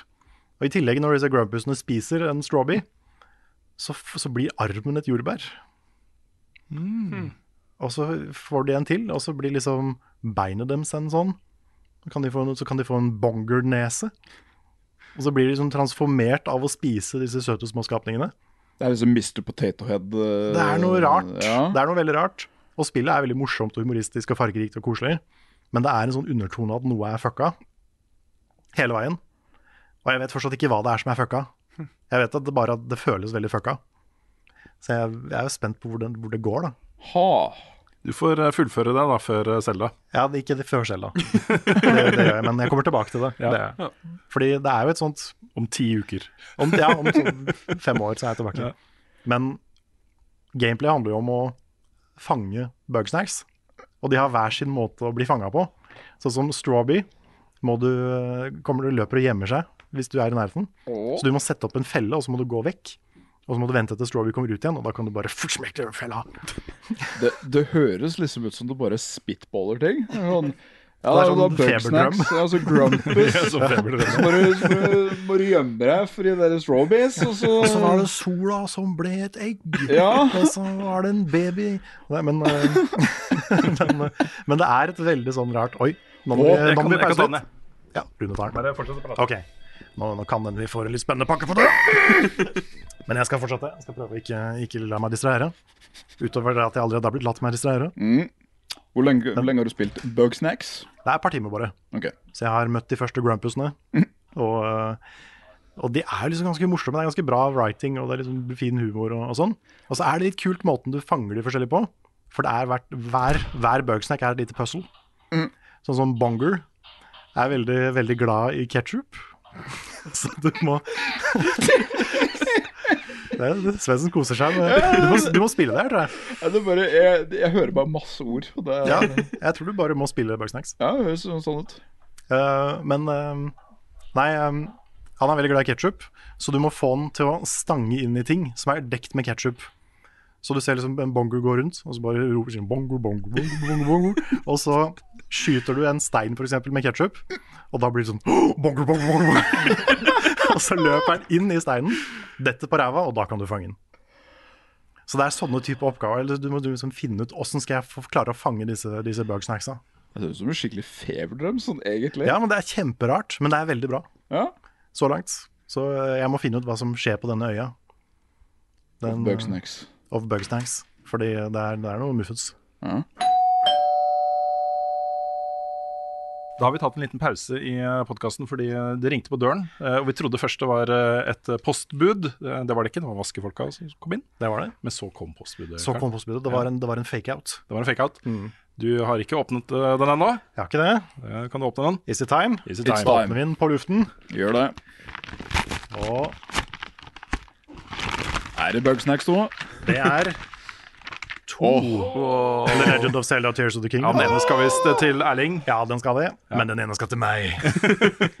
Der er det, vet du. Fy fader. står det bakpå coveret? Det står Explore land and sky. Utforska himmel og jord. Oh, just precis. Utforsk land og himmel. Og tutkimatta jataitsvasta. Ja, så klart det står det! Ja. Fett. Så det er faktisk det er en nordisk versjon, da, tydeligvis. Ja. Jeg er så glad for dine vegne, Carl. Ja, tusen takk. Tusen du får jo faktisk, eh, og det er ikke uten betydning, også, du får en fem, seks, sju timer ekstra, Ja, liksom. I hvert fall med tanke på at vi skal til komplett i morgen og Mm. spille, så er det greit å vite litt hva jeg går til. Du blir Ja. påkalt meg veteran på release day, det er ikke verst. Sant? Mm. Ja, Da har vi jo fått det tidlig begge to, da, Carl. Da har vi fått det, Da har ikke noe å klage på. like tidlig. Bare et par uker forskjell. Jeg gjør ikke noe der. Nei, men eh, bare sånn, det var sikkert, det var sikkert obvious, men eh, level up-anmeldelsen er jo ganske langt unna. Ja, det tar, det, dette kommer til å ta tid. Det kommer til å ta tid. altså. Jeg kommer til å legge mye tid i det. Jeg kommer til å prioritere å lage en bra video, ikke lage en kjapp video. Ja. Så da kommer anmeldelsen ut i morgen. Ja, ja, ja. Ja, ja, ja. Nei, så, så no promises, den er, den er et stykke unna. Altså. Jeg må faktisk si at jeg misunner deg litt, fordi um jeg må jo forholde meg til Og jeg fikk uh, teksten i retur, for den var for lang. Den måtte ned til 800 ord. Å, ja. uh, på NRK, da. Tekstanmeldelse. Ja, Ikke min sant? kommer til å bli litt mer. Poenget mitt er bare at verden trenger en Carl-gjennomgang av dette spillet her. Oh. En, en grundig, skikkelig god gjennomgang. Et, eh, et eh, testamente for ettertiden. Så jeg gleder meg. Oh, Alt takk for det. Jeg, jeg gleder meg, jeg òg. Mm. Jeg gleder meg mest til å spille det, men også til å lage videoen. Ja. Men eh, Sebastian, Ja. du eh, har jo vært hos oss et år nå, og eh, tydeligvis, eller vet ikke om det er det, om det som er grunnen, men vi snakker jo litt om et spill da, som kom rett før du begynte uh, hos oss, Ja, som heter Elden Ring. Riktig. Som snart får DLC! Åh, det er på tide at noen endelig snakker litt om Elden Ring i podkasten. Ja, Ja, ikke sant? endelig, liksom. Ja. Ja. Eh, nei, jeg må jo si jeg har blitt litt miljøskada Ja. av å være her. Så Vel bekomme. etter å ha tenkt veldig lenge og hørt så mye bra om FromSoft, og da spesielt Elden Ring, så tenkte jeg jo at eh, når jeg var her, så var det jo en gyllen mulighet til å kaste seg ut i det universet eh, for min del også. Så det er første FromSoft-spillet Først, jeg har tatt, eh, tatt første boss i Bloodborne, uh, men satte meg deretter fast på Fader Gascoigne og ga opp. Ja. Uh, og så la jeg det egentlig bare fra meg i mange år. Og så nå har jeg for første gang da tatt et dypdykk i From Software. Hvor, hvor i spillet er du? Uh, nå er jeg sjekka saven min i går. Jeg har spilt i 55 timer. Oi, spektabelt. så Jeg, ja, jeg har vært, kommet et stykke uti. Tatt, tatt både Radan og hun, um, hun herse, Renala. Renala. Mhm. Og eh, så fant jeg ut at for at eh, det er jo ikke nødvendigvis et lineært spill, så jeg gjør ikke ting eh, kanskje i den rekkefølgen uh, som vanlig. Ja, akkurat som Tears of the Kingdom. Ja. Mhm, ja. uh, så i går så møtte jeg uh, Ranni for første gang. ja. Oi. Uh, og da var, det var etter jeg har vært i den eh, eh, Jeg er jo ikke noe god på navn ennå, siden det er første gang jeg spiller, men det er stjernehølet til han eh, Ja, Radan. nettopp. Ja, ja, ja. um, så, så når jeg skulle dit og hente en skatt, og sånn, så hadde jeg allerede, allerede vært der. Og, Ja, så du kunne progresse den questen med en gang? ja, mm. Kult. Ha. Eh, men det var litt kult, fordi hun har jeg hørt mye snakk om, og liksom hvisking både in game og liksom utenom. Eh, så det er litt kult å, å møte henne. Liker du å spille? Jeg liker det, liker det veldig godt, eh, og jeg syns absolutt at det, er, mm, det fortjener all skryten den har fått. Og så har, den har det ikke klatra inn på, på topp ti-lista mi av spill enda. Uh, jeg merker at jeg personlig foretrekker veldig sånn storybaserte opplevelser. Ja, så Dette spillet her kunne jo også blitt bedre hvis våpnene du brukte, ble ødelagte. Ja, absolutt. Eh, jeg tror ikke det, for jeg er veldig glad Eller hvis det var litt færre dungeons. Ja, ikke sant. Eh, jeg har faktisk brukt samme våpen nesten hele spillet. Ja. Uh, Dere Bloodhound Ah, Blade. Yeah. One of us, one of the Bloodhound gang. Yeah. gang. Så, så hvis det hadde blitt ødelagt på et tidspunkt, så hadde jeg nok blitt litt lei meg. The Diamond Dogs. uh, men ja, jeg liker det veldig godt. Det, Er ikke Bloodhound Gang faktisk et band? Jo. You and me, baby. Ja, det er de, ja. Stemmer. eh, og det føles ut som det aldri kommer til å ta slutt. Fordi jeg har jo Jeg fant jo blant annet den kista som drar meg opp en foss, og så fant jeg liksom et stort område der. Og, eh, og så skulle jeg jo utforske en annen Jeg tror det var det samme området. Så plutselig så var jeg liksom midt i Capitol og fikk et innblikk i bare hvor enorm den byen var. Og det så ut som et 30 timers spill, bare det. Ja, Da har du eh, kommet inn den veien som, eh, som sørger for at du går rundt en av spillets eh, tøffeste bosser. Å, sier du det? Ja. Det kan, eh, kan godt Men, jeg har Ja, men du har ta- tatt en lang omvei, da, så Ja. det er fortjent å komme dit allikevel. Ja, ikke sant? Kan jo avsløre da at på første playthrough selv Ja. så satt jeg med ca. 110 timer når jeg var ferdig. Ja, det er litt der jeg forventer å ligge. Ja. Eh, Så jeg føler meg kanskje sånn halvveis. Ja. uh, ja det det syns jeg er veldig positivt, med tanke på at jeg liker spillet veldig godt. Mm. Samtidig så er det også sånn jeg, jeg vil jo bli ferdig med Elden Ring før jeg begynner med noe annet. Ja. Uh, så Tales of the Kingdom, Kingdom må vente litt for min del. Ja, Og ja, så du har heller ikke spilt Tales of the Kingdom? Jeg har heller ikke spilt det. uh, og jeg får heller ikke spilt det med det første, Fordi det er sånn når jeg dykker ned i det, så forsvinner jo 100 timer der også, sikkert. Så Jeg liker at Nick sitter i sofaen med litt sånn derre eh, bitter spouse-ansiktsuttrykk. Ja, det høres bare Ja, ja. Jeg antar at han har spilt Mm. Det er, sånn, det, er, litt, det er litt ansiktsuttrykket som mormor hadde når bestefar begynte å snakke om politikk. sånn hver gang så, ja, Nå er han i gang. Men jeg må jo si at det er et demokratisk eh, problem at bare noen få får tilgang til spill så tidlig. Det er det. Og jeg, jeg er ikke noe fan av at det er sånn. Nei. Så, um, så eh, det er litt sånn jeg, jeg, jeg liker å terge dere, men det er egentlig bare fordi jeg syns det er gøy, gøy å terge dere. Ja. Ikke fordi jeg er enig i praksisen til spillutgiverne. Det er ikke malice, det Og det er er tease. liksom ekstra frustrerende når det åpenbart ikke funker, for spillet har jo lekka. Ja da, det er det. Så det at Nintendo er så beskyttende, det, det funker jo ikke. Mm. Da er det litt ekstra ergerlig, på en måte. Ja. Men Sebastian, eh, for at folk skal bli litt bedre kjent med deg, og sånt, så Ja. sier du at det ikke er på topp 10-liste eh, foreløpig. Hva er det beste spillet du har spilt? det beste spillet jeg har spilt, da gir jeg et lite side-eye til Nick på sida her. Okay, Eh, Er det Returnal? Nei, det aller beste spillet jeg har spilt noen gang, er The Last of Us Part 2. Ja. Og jeg har Part 2 over Part 1. Men du Ja, sa jo side-eye til meg. Jeg trodde det var noe jeg hadde likt skikkelig godt. Nei, det var kanskje for at eh, du har litt delte meninger om det spillet. Å ja, ok. Ja. Nick liker ingen av de spillene vi andre elsker. Nei, det Nei, det, er ikke helt sant. Altså. Nei, det er ikke helt sant. Nei, nei. Men, eh, men Part to det er noe med måten den historien blir fortalt på, Mm. og hvordan det bruker spillmediet, eh, med tanke på at du på en måte blir satt i situasjoner der du som spiller må gjøre ting du absolutt ikke har lyst til. Det, jeg syns det er et utrolig fascinerende eh, En fascinerende side av det spillet. Absolutt. Eh, at det gjør vondt på den måten det gjør. Mm. Og jeg syns det er bra spill med det går dit. Ja, Det jeg er, det. eh, det er en av de elementene som på en måte har mangla litt i Mm. spillmediet for at det skal kunne være eh, like høyt akta som andre medier. Ja. At de våger å være vonde Mm. På den Ja, måten. det, det er ikke ofte jeg har spilt et spill der jeg med vilje eh, ender opp liksom å dø i spillet fordi, fordi jeg ikke har lyst til å utføre de handlingene som spillet Ja. ber meg om å gjøre. Ja. Det er sånn trykk firkant, men, men jeg nekter på en måte å gjøre det Mm. før jeg skjønner at jeg må, før jeg, får at jeg kan gå videre. Ja. Mm. Um, også det derre Det å ha baller til å liksom putte deg i en lang sekvens som du absolutt ikke har lyst til å spille gjennom. Ja. Altså, du, har ikke lyst til å være den figuren på det stedet, mm, men du må. du må. Mm. Og du hater det i starten, Ja. sånn virkelig. Mm, Men så etter hvert så er det sånn her OK, hva er grunnen til at jeg gjør det her? Og Ja. hva er Hvorfor prakker de dette her på meg, liksom? mm, Og så er det en grunn til det. ja. Og du, du Jeg syns det, er- det er så tøft gjort, da. Mm. Mm. Jeg har så mye respekt for det. Eh, så ja, det, det er det definitivt det beste. Og så har jeg uh, God of War Ragnarok like bak, Eh, nice. på en god andreplass. Ja, vi, vi likte alle det, ikke sant? Eller? Ja, ja, ja. Ja, okay. der, er vi, der er vi nok mer Ja, enige. ja. Nice. Hva sa du nå, Svens? Nei, jeg sa, det, av det jeg har spilt, så liker jeg det veldig godt. Ja, absolutt. Oh, nice. Så, så ja, historiefokuserte spillopplevelser eh, står høyt i min bok. Har dere prøvd vann fra springen? Jeg har sett en ny TV-serie ja, nå, vet du. Dette albumet må dere høre. TV-spill er ganske stas. Det er en serie som foregår in space. YouTube.com. Der er det en kul nettside. Level Ups anbefaling. Vi har opptil flere anbefalinger denne uka her, så vidt jeg skjønner. Ja, jeg kan f.eks. anbefale The Legend of Zelda Tears of the Kingdom. Ja, det har jeg ikke spilt. Nei. Jeg hørte det. Jeg visste ikke at det skulle bli bra, liksom, så det er bra at noen anbefaler det. Jeg hadde ikke hørt om det, egentlig. Nei. Men uh, hva var den faktiske anbefalingen, Rune? Ja, fordi uh, i går så tok jeg med meg hele familien. uh, bortsett fra kona, hun ble syk. ja. Eh, Søstera mi og hennes familie også. Så hadde vi da to rader, ikke to hele rader, men deler av to rader på Imax på Odeon. Og så så vi Guardians of the Galaxy volume 3. Hell yeah. Og jeg var litt skeptisk, fordi eh, Marvel har ramla litt av lasset eh, i det siste, syns jeg. Det har vært noen misses in the hits. Ja, og det liksom engasjerer ikke på samme måten.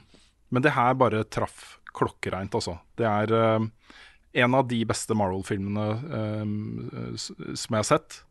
Uh, og den er det fordi den treffer en sånn følelsesmessig greie som, eh, som ikke er så vanlig eh, i de filmene. Det er liksom mye av det i Endgame selvfølgelig, og Infinity War og, og sånt. Men det her er nært og ekte på en måte som ikke så mange av de Marvel-filmene er. Det er mye fordi du følger eh, bakgrunnshistorien til Rocket. Og det gjør bare også så vondt. Og det er, det er også så vondt å se på hvordan han har blitt uh, behandla. men det er også den derre båndet mellom de forskjellige ro- uh, uh, characters, rollefigurene, i Guardians.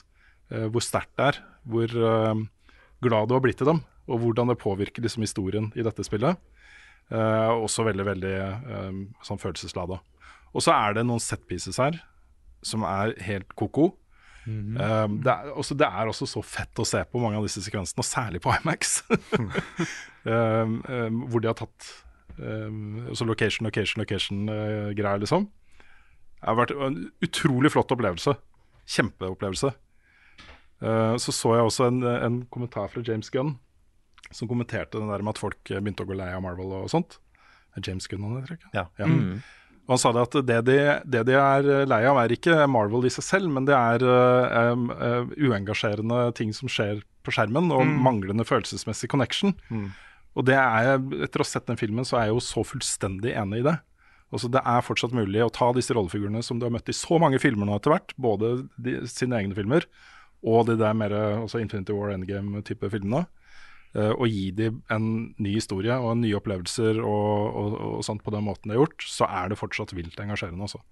Så jeg syns dette er en kongefilm. Og du har også sett den, Sebastian? Ja, og jeg må si det er eh, en, Det er topp fem Marvel-filmer for min del, liksom. Uten tvil. Og, Den eh, beste Guardians-filmen. Ja, det er det. Og det er jeg er jo en enorm Marvel-fan. Jeg har sett alt uh, som er laga, og har også vært enig i at det har skrangla litt i det siste. Jeg liker nok det bedre enn de fleste gjør. Jeg syns fortsatt det har på en måte holdt et uh, greit nivå, men det, det har ikke vært i nærheten av å nådd de samme høydene som det beste av Marvel. da. Og det her var veldig en sånn return to form. eh, veldig, eh, veldig kult. De traff liksom både på på historien og humoren. Actionen var bra, og det tekniske satt eh, mye bedre enn det har gjort de forrige prosjektene. Mm. Um, jeg likte også veldig godt uh, de valgene filmen tok i historien. Mm. Eh, den turte på en måte å ta litt mer modne valg enn det kanskje Marvel har gjort tidligere. Og gi, gi karakterene en en uh, historie som mer er realistisk for dem enn hva som på en måte gir den største, uh, mest kraftfulle reaksjonen i publikum. da. Mm. Um, og av det så treffer det enda bedre også, fordi det blir riktig i stedet for at det blir liksom påtatt, uh, sånn som det kan bli innimellom. Mm.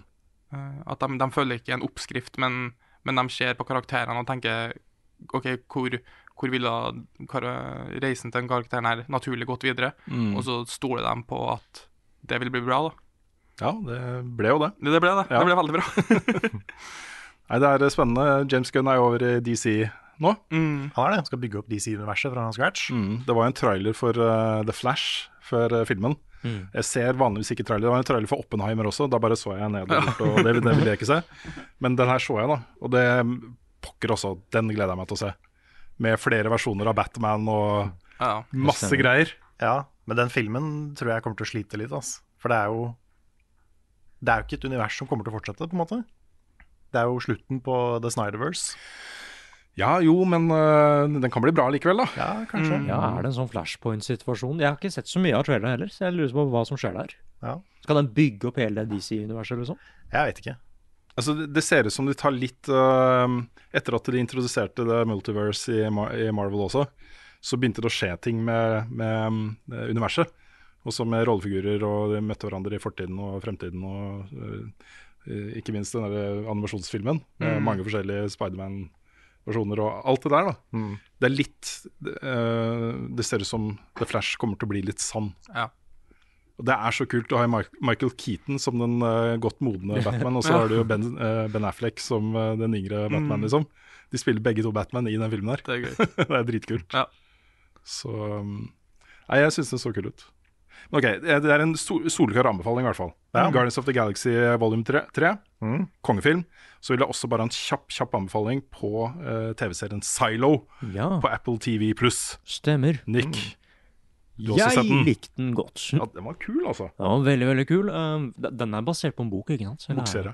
Ja, ja, ja. Nei, jeg ble, jeg ble hooked med en gang. Det handler om at det er en sånn Det er en postapokalyptisk verden. Vi vet ikke helt hva som har skjedd, men menneskeheten bor nå i en svær silo. Ja, De har bodd der i 140 år. De markerer 140-årsjubileum for, uh, for da de flytta inn der første gang, som menneskeheten. Men um, uh, arkivene for hva som faktisk har skjedd, er sletta. Ja. Så det er ingen som egentlig vet hvorfor det er i, i den siloen. Mm. Eh, det eneste som er opplest og vedtatt som en sannhet, er at der ute er det dødelig. Så Ah. går du utenfor siloen, så dør du. Yeah. Eh, så, men om det stemmer, eh, blir det jo reist tvil om da, i første episoden allerede. Um, og masse greier, da. Konspirasjoner og Mm. hemmeligheter og Nei, og er, jeg vet ikke hvor mange episoder det skal bli av den. Har de sagt det? Åtte eller ti? Eller? Det vet jeg ikke. Nei, men uh, den er um, Den blir ikke fortalt 100% kronologisk heller. Og jeg syns det funker kjempebra. Fordi det er Mm. noen av karakterene der som er um, Egentlig bare at de er så vant til at samfunnet er som det er. Så hvis det da dukker opp noe som ikke helt stemmer, så er de veldig lett å bare sånn Nei, det er sikkert ingenting. Sikkert ikke noe gærent med det, altså. Det er bare en som er litt rar i dag, liksom. Men så skjer det med en ganske viktig person da, i The Silo. Begynner Jeg holdt på å si hvem det er, men eh, jeg skal ikke spoile noe. Men jeg liker veldig godt uh, hvor uh, Jeg trodde jeg visste hvor den serien skulle hen, og så tok den noen par vendinger i de Mm. første episodene. Så jeg er veldig spent på å se mer. Fordi de lanserte to episoder på en gang. ja, den, har, det den har liksom fellestrekk med Lost og måten den bygger opp et mysterium eh, på, syns jeg. Mm. Og nå sier dere riktige ord. Ja, ja nei, men, det, men det er faktisk sånn, ja. For det er så veldig mye sånn derre ah, det, det er så kul worldbuilding òg, fordi de har liksom Hele samfunnet er bygd så smart rundt eh, Et godt eksempel er at hvis de skal besøke noen som er på bunnen av det Silo, liksom, så er det bare Ja, da har vi en hel dag på å gå ned til bunnen av det Silo, da. Og sånne ting som det der. Um, og masse mysterier, ja. Hvorfor er alt sletta? Hvorfor syns folk det er helt greit å bare bo der og sånn? Ikke sant? Mm. Er det ingen som har lyst til å prøve å gå ut, tror du nå? Og så er det en sånn tilleggsting. Hvis du sier at du vil ut, hvis du sier det høyt, så må du ut. Oi. Oh, ja. Og du, du kan bare si det. Jeg, jeg vil ut herfra. Så er, bli- er, blir du sendt ut, da. Ja, ja. Så um, Og så vil jeg også bare nevne at det er jo en del kjente skuespillere her. Um, det var utrolig uvant å se Rashida Jones i den rollen. Jeg kjente henne nesten ikke igjen i starten. Jeg så- Jeg så Parks and Recreation, så bare Å, du er der, da! Skikkelig seriøs rolle og sånn. Ja. Veldig kult. Jeg gleder meg til å se hvor den går. Det, var det er, det er basically The Hatch i Lost, bare at The Hatch er hele verden. Ja, men vet du hva, det, det er en veldig kul måte å se på det. det nei, den, jeg vet ikke når det kommer nye episoder, men jeg er kjempespent på å se hvor den går hen. Så den er veldig, veldig kul. Ja. Og så har du nevnt at du har en liten- anbefaling, Ja, du også, jeg kan smette inn den på slutten her. Mhm. Det er eh, en serie som jeg har fått anbefalt av mange før. Eh, den er i sin fjerde og siste sesong nå, nemlig Barry på, på HBO Max. Ja. Det er HBO Max det heter nå, ikke sant? Jo, ja. Ja. Mm. dette er jo en ekstremt mørk komiserie. Som uten å si for mye, så er det en serie som på en måte skifter sjanger underveis. ja, for Barry er jo en uh, leiemorder. En leiemorder som drømmer om å bli noe mer, på en måte. Ja. Han drømmer om å bli skuespiller. Mhm. Så han, han prøver å liksom Han flytter til Hollywood, sånn som alle gjør hvis Ja. de drømmer om å bli skuespiller i USA. Han ikke sant? prøver å legge det mørke livet sitt bak seg. Ja. Uh, og han er jo liksom en eks-soldat som har mye sinne og faenskap i, inni seg. Ja, for han prøver jo å legge mørket bak seg, men han tar jo med seg mørket inni seg på en måte, inn i sitt nye liv. Nettopp. Ja. Og da handler det mye om det. Det mm. forsøket på, på å starte på nytt, samtidig som det gamle, den gamle bagasjen. Og dette er jo Bill Hader, som jo er en, eh, en ren eh, har liksom vært da, en komiker. Mm. En eh, humorskuespiller, liksom. Fra Saturday Night Live og andre, andre ting. Yes. Men han er også den derre tosidigheten av at jo, det er humor, og det er en humorserie, men her er det et mørke også, liksom. Det er Jeg setter absolutt så pris på det. mørke. Altså. Jeg har bare sett første sesongen, da. Ja. Ja, nei, fordi eh, dette er en serie som tar noen vendinger. Jeg skal ikke si hva som skjer, men, men det skjer Den er noe veldig annet i sesong tre og fire enn den var i sesong én og også to. Ja, Så det er, det, det er en serie som endrer seg drastisk underveis. ja det er kult. Og den eh, Den er veldig brutal, veldig hard, liksom. Begynner som morsommere enn den blir. Og eh, nå, spesielt nå, da, så det er både, både Succession og Barry på mandager. Så Sett av et par timer til eh, eksistensiell angst og depresjon etterpå, for det er ganske mørke serier. Ja. Så vær bevisst på at dette er bekmørkt, hvis du skal se det. Mm. Men det er en, en veldig, veldig veldig bra serie. Og det skjer ting nå, de siste episodene, som er sånn Jeg hadde aldri i verden sett det komme, og jeg aner ikke hvor det er på vei. Men det er bare tre episoder igjen, eller noe sånt. Ja. Så det er, eh, det er dritspent. Eh, Føles det ut som slutten, liksom, av serien? Det føles ut som den er på vei mot noe Jeg, jeg aner ikke hva den er på vei mot. Det er i hvert fall trygt uh, å, se, uh, å se den med det som utgangspunkt. Mm. For de har visst at fjerde sesong er den siste. Ja. Så de har skrevet det som den siste sesongen. Ja, okay. Det har de. Men de, eh, nei, de, de gjør ting nå som de ikke har gjort før, og det er veldig veldig rart. Mm. Men eh, jeg er sykt spent på hvor det er, hvor det er på vei. Ja, kult. Så er det noen episoder som bare skiller seg veldig ut. Som er eh, noe av det rareste, men mest fascinerende jeg har sett på TV. Her kommer Neder med Rune Fjell-Olsen, og han har ikke hår. Ja, prøve å ha en kjapp nye spalte den gangen her. Eh, noen av oss skal hjem og sel- spille Selda. Det skal vi. Mens eh, andre har spilt Selda allerede. Ja, Hvem er det du tenker på Eh, da? Det var meg. meg. Ok. Det er meg. Ja. Eh, men dette syns jeg var en spennende nyhet, for vi har jo snakket en del om eh, hva om Gamefreak tar Pokémon og lager et litt mer sånn, ja, kanskje Zelda-lignende uh, åpen verden-opplevelse av det. Mm. Og så har du sagt alltid, Carl, at de, de er ikke flinke nok til det. Nei, eller altså, de, de har på en måte gjort det med Scarlett og Violet, da, men ikke, ikke Jo, men nå tenker jeg liksom eh, de flotte fargene og Ja, altså sånn- stilen til et Zelda-spill, eller et, ikke sant? et trippel A PlayStation 5-spill, på en måte? Eller? Ikke sant? Ja. Eh, og det skal de nå gjøre. Ja. Nå skal de uh, De har signert en avtale med Private Division, eh, som er eid av Take Two, eh, men fokuserer da på indiespill, om å lage et nytt action adventure-spill med kodenavnet Project Bloom. Project Bloom. Og De har bare sluppet et eh, konseptbilde fra det, men det er jo det man forventer av et sånt type spill. Mm. En sånn frodig, vakker eh, skog med en rollefigur. ikke sant? Så, Ja, sånn. det kunne vært et eh, konseptbilde til Ghost of Tsushima, liksom. Ikke sant? Um, hva tenker du om det? Jeg aner ikke. Nei, fordi de, de kunne jo ha lagd Det betyr jo at de egentlig så kunne de jo ha gjort det med Pokémon. Ja, men de, eller de har jo outsourca det, på en måte, da. Jo, jo. Til et nytt team. Men, eh, men ja, de kunne gjort det med Pokémon. Men kanskje dette er en test? Kanskje det er, Ja, det kan hende. eh, mm, at det, nå skal vi prøve å lage noe som ikke, som ikke kan tanke the main thing. Ok, nå er det en, eh, en fin teori her, tror jeg. Mm. Hva om Gamefreak har mast på Nintendo i alle år om å få lov til å lage dette spillet her med Pokémon? Et åpen verden, eh, frodig, eh, vakkert eh, Triple A Pokémon-spill. Ja. Og de har bare sagt nei, nå skal de bare lage spill som viser de hva de kan få til. Ja. Mm. Ikke sant? Ja, det kan hende. Ja, Pokémon. Mm. Ja. Men er, det- det er, det er vel, det er vel Gamefreak eller Pokémon Company som har sagt nei da, er det ikke det? Det, det er vel ikke Nintendo som eier de?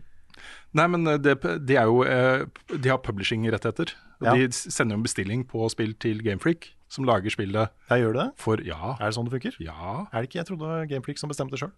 Hv- Hvilke spill de skal lage? Ja. Ja, Det er jeg usikker på. Jeg tror de bare liksom publisher på Nei, jeg, dette kan jeg ikke, så jeg vet ikke. Men, øh, men jeg har inntrykk av at det er Pokémon Company som helhet som bestemmer. Men har ikke Nintendo eierandeler i Pokémon Company? Dette, er, jeg føler at Ja, dette, dette- burde vi gjort research nå Da er vi langt ute i business. så Dette, dette, dette kan jeg ikke, må jeg innrømme. Men, men ja. Nei, jeg vet ikke. Men det er jo Nintendo som er plattformene til Pokémon. Det, Det finnes jo ikke på noen andre plattformer. Nei, bortsett fra iPhone og sånn. Jo, jo, men Pokémon altså- Men ja. Jeg, eh, jeg tror det er noe sånn uh, greier der, da. Det er, det er min teori, i hvert fall. ja, Får kanskje. vi bare pakke dette inn i teori. Mm, Synsing fra ræva. riktig. Mm. Synsing fra toeren. Synsing fra toeren. Så, men det er spennende å se hva de får til, i hvert fall. Dette er jo et selskap som har eh, De har jo gjort litt endringer og innovert litt og gjort eh, nye ting og sånt, men også vært veldig konservative. Ja, ja for det, der har de, tror jeg, et problem med at den derre Pokémon-timeplanen, som er den samme som Assassin's Creed har hatt, og den samme som veldig mange andre spillserier har hatt. Call of Duty, at de har for kort tid på seg til å lage noe så bra som folk vil ha. Ja. Og det, jeg håper de går vekk, går vekk fra det. At, Mm. de, at de venter kanskje tre-fire år da, med å slippe et nytt Pokémon. Nå er spørsmålet om er det, Nei, det- det økonomisk det viable. Det er Ja, sikkert ikke gjør det. Men det er jo det, det, er jo det folk gjerne vil. da. Mm. Vi venter på et annet uh, stort uh, spill som lanseres den 6. juni. 2. juni hvis du har forhåndskjøpt det, nemlig Diablo 4. Oh. og det, nå har da Blizzard gått ut og um, eh, kommet med litt detaljer om hvordan progresjonssystemet og ses sesongene og sånt skal fungere i det spillet. Eh, og de, de sier nå i en post på blizzard.com at uh, Diablo 4 det får en ny sesong hvert kvartal. Ja. Uh, hver sesong vil uh, legge til nye Questlines, eh, et Battle Pass, som jo er eh, med XB og sånn, så får du cosmetics og sånne ting til eh, spillet. Eh, nye legendary items, eh, balansering eh, på klasser og sånne ting, eh, og andre tweaks da, som blir, blir sagt. Sesong én starter eh, i midten av mot slutten av, eller mot slutten av juli, altså i løpet av juli. Um, så det blir jo som en del andre uh, spill med den modellen her. Uh, oppstartsperioden blir uten. Så kan folk kose seg med det, og så kommer det uh, season pass og sånt etter hvert. Ja, for hvor lang tid tok det før uh, f.eks. Season Passet til, til Lightfall kom? Nei, ehm, nei, det kom umiddelbart. Jeg tror det. Ja, ja. Ja. Uh, men i, det, det var jo en periode hvor Destiny ikke hadde den type season pass i det hele tatt. Ja. Uh, så det ble jo introdusert etter hvert, men da ble det introdusert omtrent hvert kvartal. da. Tre til fire i året. Tre, eller, det er kanskje bare tre i året. Tre eller fire. Men den første av disse nye sesongene kommer alltid med en ny delelse. Altså en expansion. Men hva tenker vi om at det kan ta da nesten to måneder før det kommer et Battle Pass til uh, Diablo 4? Det, det, Battle Pass og Season Pass og sånne ting til Diablo 3 ble jo heller ikke introdusert før det hadde vært ute en god stund. Det er sant. Uh, Men det Blizzard oppdaga, var jo at folk spilte jo dette spillet om igjen og om igjen med nye klasser og nye konfigurasjoner og på nye måter og sånne ting. Mm. Så eh, jeg opplevde det som om det var mer en konsekvens av at folk spilte det på den måten, så vi la, la oss gi dem noe Ja. å grinde etter eh, i sesong etter sesong. Og det er på en måte litt det som er tanken her også. Ja. Jeg bare Jeg veit ikke. Jeg får eh, Jeg bare går i mitt eget sinn. Jeg tenker liksom mitt attention span. Men det, er liksom det å vente da på de, de to månedene på å få det Det, det mm, Altså jeg, jeg sier ikke at det hadde nødvendigvis trengt å launches likt om spillet. Det hadde kanskje blitt litt mye på en gang. For hva er base gamet da, på en måte? Mm. Men uh, jeg syns kanskje to måneder hørtes litt lenge ut. Vet ikke, De har sikkert en plan for det. Ja. Eh, Folk spiller jo fortsatt eh, Diablo 2 og 3. Altså Mm. Diablo 2 Resurrected, men også gamle Diablo 2. Jeg har spilt begge to i løpet av uh, året. Nettopp. Og det er noe med på en måte gameplay i den type spill som gjør at folk har lyst til å bare fortsette å spille det. Det er, jo, det er jo som med Destiny og som Mm. det andre spillet som du egentlig likte, men så likte du ikke allikevel, for det var så grindete. Ja, ja, ja um, um, Det der, ja. Jeg vet hva du mener. men Jeg husker ikke hva det Ja. Jo, Outriders. Outriders, ja. Outriders. At det er jo, det er jo en grindemaskin, disse Mm. spillene. At det er liksom det å få den ene tingen. Mm. Ehm, ja, jo. Ja, OK. Ja, vi får får gi en sjanse, da. Ja, men jeg tror at e- den egentlige grunnen er kommersiell, da. Fordi nå kommer Diablo 4, og det vil sikkert være en butikk der uh, med cosmetics og ting du kan bruke ekte penger på og sånt. Det vet jeg at det blir. Ikke sant. Men, uh, men uh, hvis det også i tillegg hadde blitt lansert med et season pass, så hadde det på en måte kunne blitt oppfatta som negativt, tror jeg. Ja. Eh, Det å slippe spillet, og du kan spille gjennom hele campaignen opptil flere ganger med forskjellige klasser og, og sånt, uten at det føles ut som om du er en del av en sånn sesongpass-grind, mm -hmm. uh, tror jeg hjelper spillet i en lanseringsperiode. Og så kommer da dette season pass etter hvert for de som ikke klarer å slutte å spille Diablo. Mm -hmm. Uh, og gir, da, gir dem uh, vennligst da muligheten til å gi Blizzard flere penger. Mer penger. Ja, det er sant. Det tror jeg er grunnen til at de gjør den modellen. Står det noe om Paragon levels i denne lista di, eller? Uh, ja, jeg har ikke studert det, så det gjør ikke det på det jeg har notert. Nei. Men uh, uh, det, det som er kjent, er at, at um, for å jobbe da, deg gjennom et Battle Pass, Mm. så må du fullføre forskjellige kapitler som inneholder da forskjellige objectives. Eh, og så får du da uh, seasonal rewards basert på det. Oh, ja. Sånn craftery, uh, crafting materials, legendary aspects og sånne ting. Ja. Så, um, så vil det sikkert være en god del kosmetikk og sånt da også. Det blir nok bra. Ja, jeg vet ikke. Nei. Men um, vi har jo en plan om å spille Diablo 4 sammen, Svens. Jeg tror det blir aldri så gøy. Ja, det kommer til å bli Vi koste oss under betaen. Ja, det kommer til å bli veldig, veldig hyggelig. Ja. Og så en nyhet som jeg syns bare er litt rart å si høyt. Hollow Night Silksong er utsatt. Jeg visste ikke det hadde fått en dato. Men de, men de har jo sagt da tydeligvis at det skal komme ut før juli. Ja, det var vel den der Xbox-greia som sa det. Ja, men eh, Team Cherry også blir sitert på det i, Ah, ja, okay. i nyhetssaker nå. da At de har sagt til folk at de prøver å få det ut før juli. Aha. Eh, men det skal komme da senere i 2023, så det er ikke utsatt mer enn uh, noen måneder. Men det er jo første ordentlige bekreftelsen på at det kommer i år. Det er faktisk den første ordentlige bekreftelsen på det. Ja. Mm. Fy fader. Og så bare en liten sånn kosenyhet. Mer sånn kuriosa, men viktig å ha med seg inn i fremtiden. Um, The Last of Us TV-serien har hatt til nå da, gjennomsnittlig 32 millioner seere per episode i USA. I USA. Det er gode tall, altså. Ja, det er Altså tall. De, de TV-seriene i USA som blir omtalt som seersuksesser, har gjerne sånn 10 og sånn. 10 Mm. millioner, 10-12. Så, så det er veldig høyt tall. Uh, men det er også det mest sette HBO Max-showet i Europa. Så, så dette er et tydelig signal til hele TV-verden og filmverden om at eh, folk er klar for kvalitetsinnhold basert på spill. Ja. Da blir det spennende å se hva, hvor mange sesonger episode to blir. Mm. Eller del to blir. Mm. Jeg tror det blir to. Jeg tror det blir to. Jeg tror det blir to. Ja. Eller kanskje part tre har kommet innen det er ferdigere med det. Kanskje. så plutselig så er det enda mer. Ja. Hva er dines best, hvor var fredag sist? Har Carl egentlig sopp? Ukens spørsmål. Vi begynner denne uka her med et eh, spørsmål som jeg trenger eh, Det Vanligvis er det jeg som står for trudeluten, men eh, nå må jeg lese spørsmålet. Så da overlater jeg The, Song til Svenssonik. Dette er spørsmål. Ukens Sinfor fra Trond Sinfor Borgersen. Det finnes store spillserier som har mange spill utgitt, som f.eks. Zelda, Final Fantasy, Metroid, Pokémon osv. Føler dere at noen av disse seriene har mista gnisten helt, eller har de fått mer boost de siste ti årene? Da tenker jeg på om de klarer å fornye seg, eller om de går i sine gamle spor. Et aktuelt spørsmål med tanke på eh, at det nettopp har kommet et svært spill Fikk Ikke med meg spørsmålet, beklager. Det går bra. Jeg hørte bare Ja, altså Zelda-serien er jo et godt eksempel på en serie som eh, fornyer seg. Ja. og det er litt spesielt med den serien fordi det er så mange konvensjoner der. Og ting som du kjenner igjen fra spill til spill. Mm. Eh, og de forteller jo, hvis du bare tar liksom det grunnleggende historien, forteller du jo mer eller mindre den samme historien hver gang. Mm. I alle spillene. Ikke sant? Også det er eh, Reisen til Link er ganske lik, da, med noen unntak. Det er litt Super Mario over det, sånn sett. Ja, Men uh, det samme kan man jo si om fantasy generelt.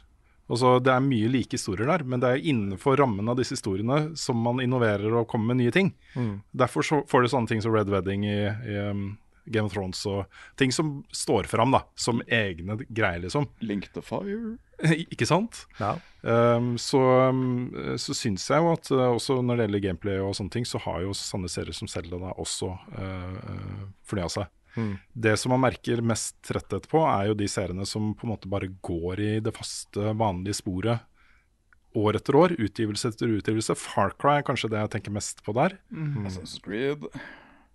Assassin's Creed, eh, selv om de har jo også gjort grep da, eh, med å gå over til åpen verden, f.eks. Uh, um, i de settingene de gjorde, og med den størrelsen det var. og, og sånne Mm. ting, altså Ikke at det ikke har vært åpen verden, men det er en helt annen fil over Odyssey og, og um, eh, Origin og um, Valhalla. Ja. Enn en det er i de tidligere spillene. Mm. Altså Det er først og fremst et åpen verdensspill, Mm. mens de andre kanskje har vært mer sånn historiespill i en åpen verden.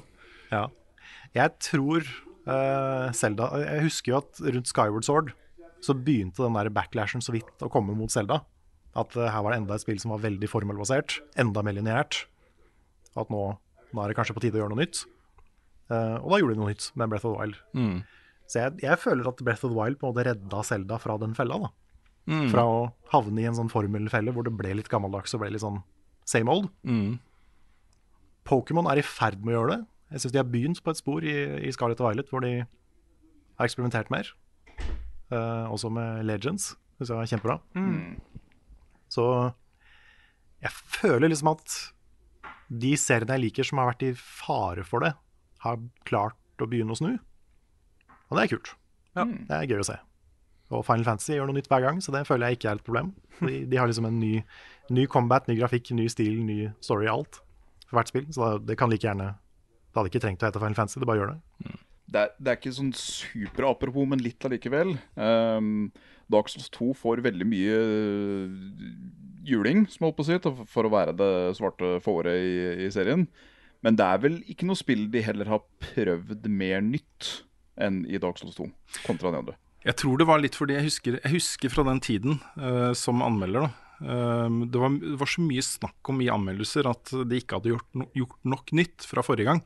Ikke fornya seg mer. Så jeg tror det, akkurat i dette tilfellet så tror jeg det er mer at, at de følte de måtte endre på veldig mye for å bli tatt liksom seriøst som en oppfølger. da. uh, og få gode scores og sånne ting. Mm. Ellers så ville det blitt trukket for det hvis det var, bare var Dark Souls 1 om igjen. Som det da har vist seg i ettertid at det var jo det folk ville ha, egentlig. Så hadde det vært noe annet. Men jeg tror det som kjennetegner eh, de seriene som klarer å holde seg relevante, og som klarer å fortsatt innovere og klarer å fortsatt eh, ha uh, engasjerte spillere og sånt, er at det blir lagd av folk som har lyst til å lage det. Mm. Uh, du merker det så godt. Hvis det er uh, basert på vi må lage en oppfølger, vi har egentlig lyst til å gjøre noe annet, men vi må lage en oppfølger, så merker du det på spillet i økende grad. Da. Jo mer lei de folka blir av det de holder på med, jo mindre glede kommer ut da, til spillerne. Hva heter han som er bak Smash igjen? Sakurai. Sakurai? Han sjøl har jo sagt at han hater oppfølgere, sånn egentlig. Men folk bare vil ha mer. Så da prøver han det, da. Og så er det noen som bruker det som kreativ drivkraft. Hideo Kojima f.eks. Ja. Som sånn allerede fra sånn Metal Gear Solid 2 så begynte han var sånn Ja, OK, nå tvinger de meg. Ja. Nå tvinger de meg til å lage mer Metal Gear. Jeg har, en, jeg har skjelettet til et videoessay om det der. Ja. Med liksom spillserier som bare spør om de kan være så snille å få lov å ikke eksistere lenger. ja. det er noen av de. Ja. Det, er, det er ikke bare Metal Gear, det er liksom Danganronpa var der. Mm. Og uh, det er flere.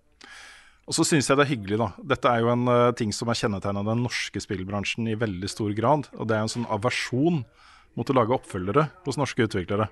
Mm. Så du lager liksom en, en uh, internasjonal uh, indie-hit, uh, Among the Sleep, og så går det ti år før de lager et nytt Among the Sleep. Og det samme med Tesla-grad, ikke sant. Mm. Og det er en Det er et testamente på hvor, hvor indie de har lyst til å være, Mm. og hva de føler seg komfortable med. Men det er også en, en bremsekloss for, for vekst. Da.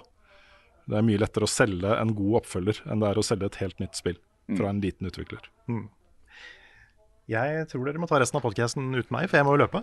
Okay. Jeg en, eh, jeg skal, det er ikke fordi jeg skal spille Selda, jeg har en eh, tannlegetime, så jeg må løpe til den. Det er greit. Da kjører vi bare gjennom eh, noen spørsmål til. Ja, den er god. Da takker jeg for meg, så ses vi i neste podkast. Det var hyggelig at du kom. kom. har vært med på mesteparten. Ja, vært med på mesteparten. Du har vært fin gjest, Karl. Å, takk for takk. Så ha, ha det bra, publikum og dere. Ha det bra. ja. Ha det bra. Men, men da kan du gi mikrofonen din til Svens. Thank you. Og da kan vi snakke samtidig, Svens. Ja, det er nesten ikke noe igjen av podkasten. Altså. Oh. Fuck. Men ok, jeg, t jeg fortsetter med noen eh, spørsmål. Kjør på. Jeg tar et her fra Espen Tveit, som eh, spør Nå som dere har fått dere en Dungeon Master i deres rekte, rekker, Ja. DND Actual Play når please? Det er jo jo ja. Lars det er snakk om, Ja, som er eh, med på denne flotte serien sammen med Philip og de andre. Stemmer det. Eh, jeg må jo ærlig innrømme at eh, jeg nå i snart alder av 34 Jeg har ikke spilt én runde Dungeons Nei, jeg har heller ikke spilt det. Nei, og det, Der føler jeg både du og jeg har et kjempeskjørt høl vi må stappe. Ja, og Grunnen til at jeg tok opp spørsmålet, var at jeg fikk en melding fra Lars her om dagen. Ja. Hvor han sa ja, Sa det en vits nå som jeg ikke fikk med meg? Var det derfor du lo? Eh, At vi begge to har et kjempesvært høl vi må stappe. Oh, ja. Pølse først. Jeg skal jeg skal gjøre det, jeg skal gjøre det. Ha det, Carl!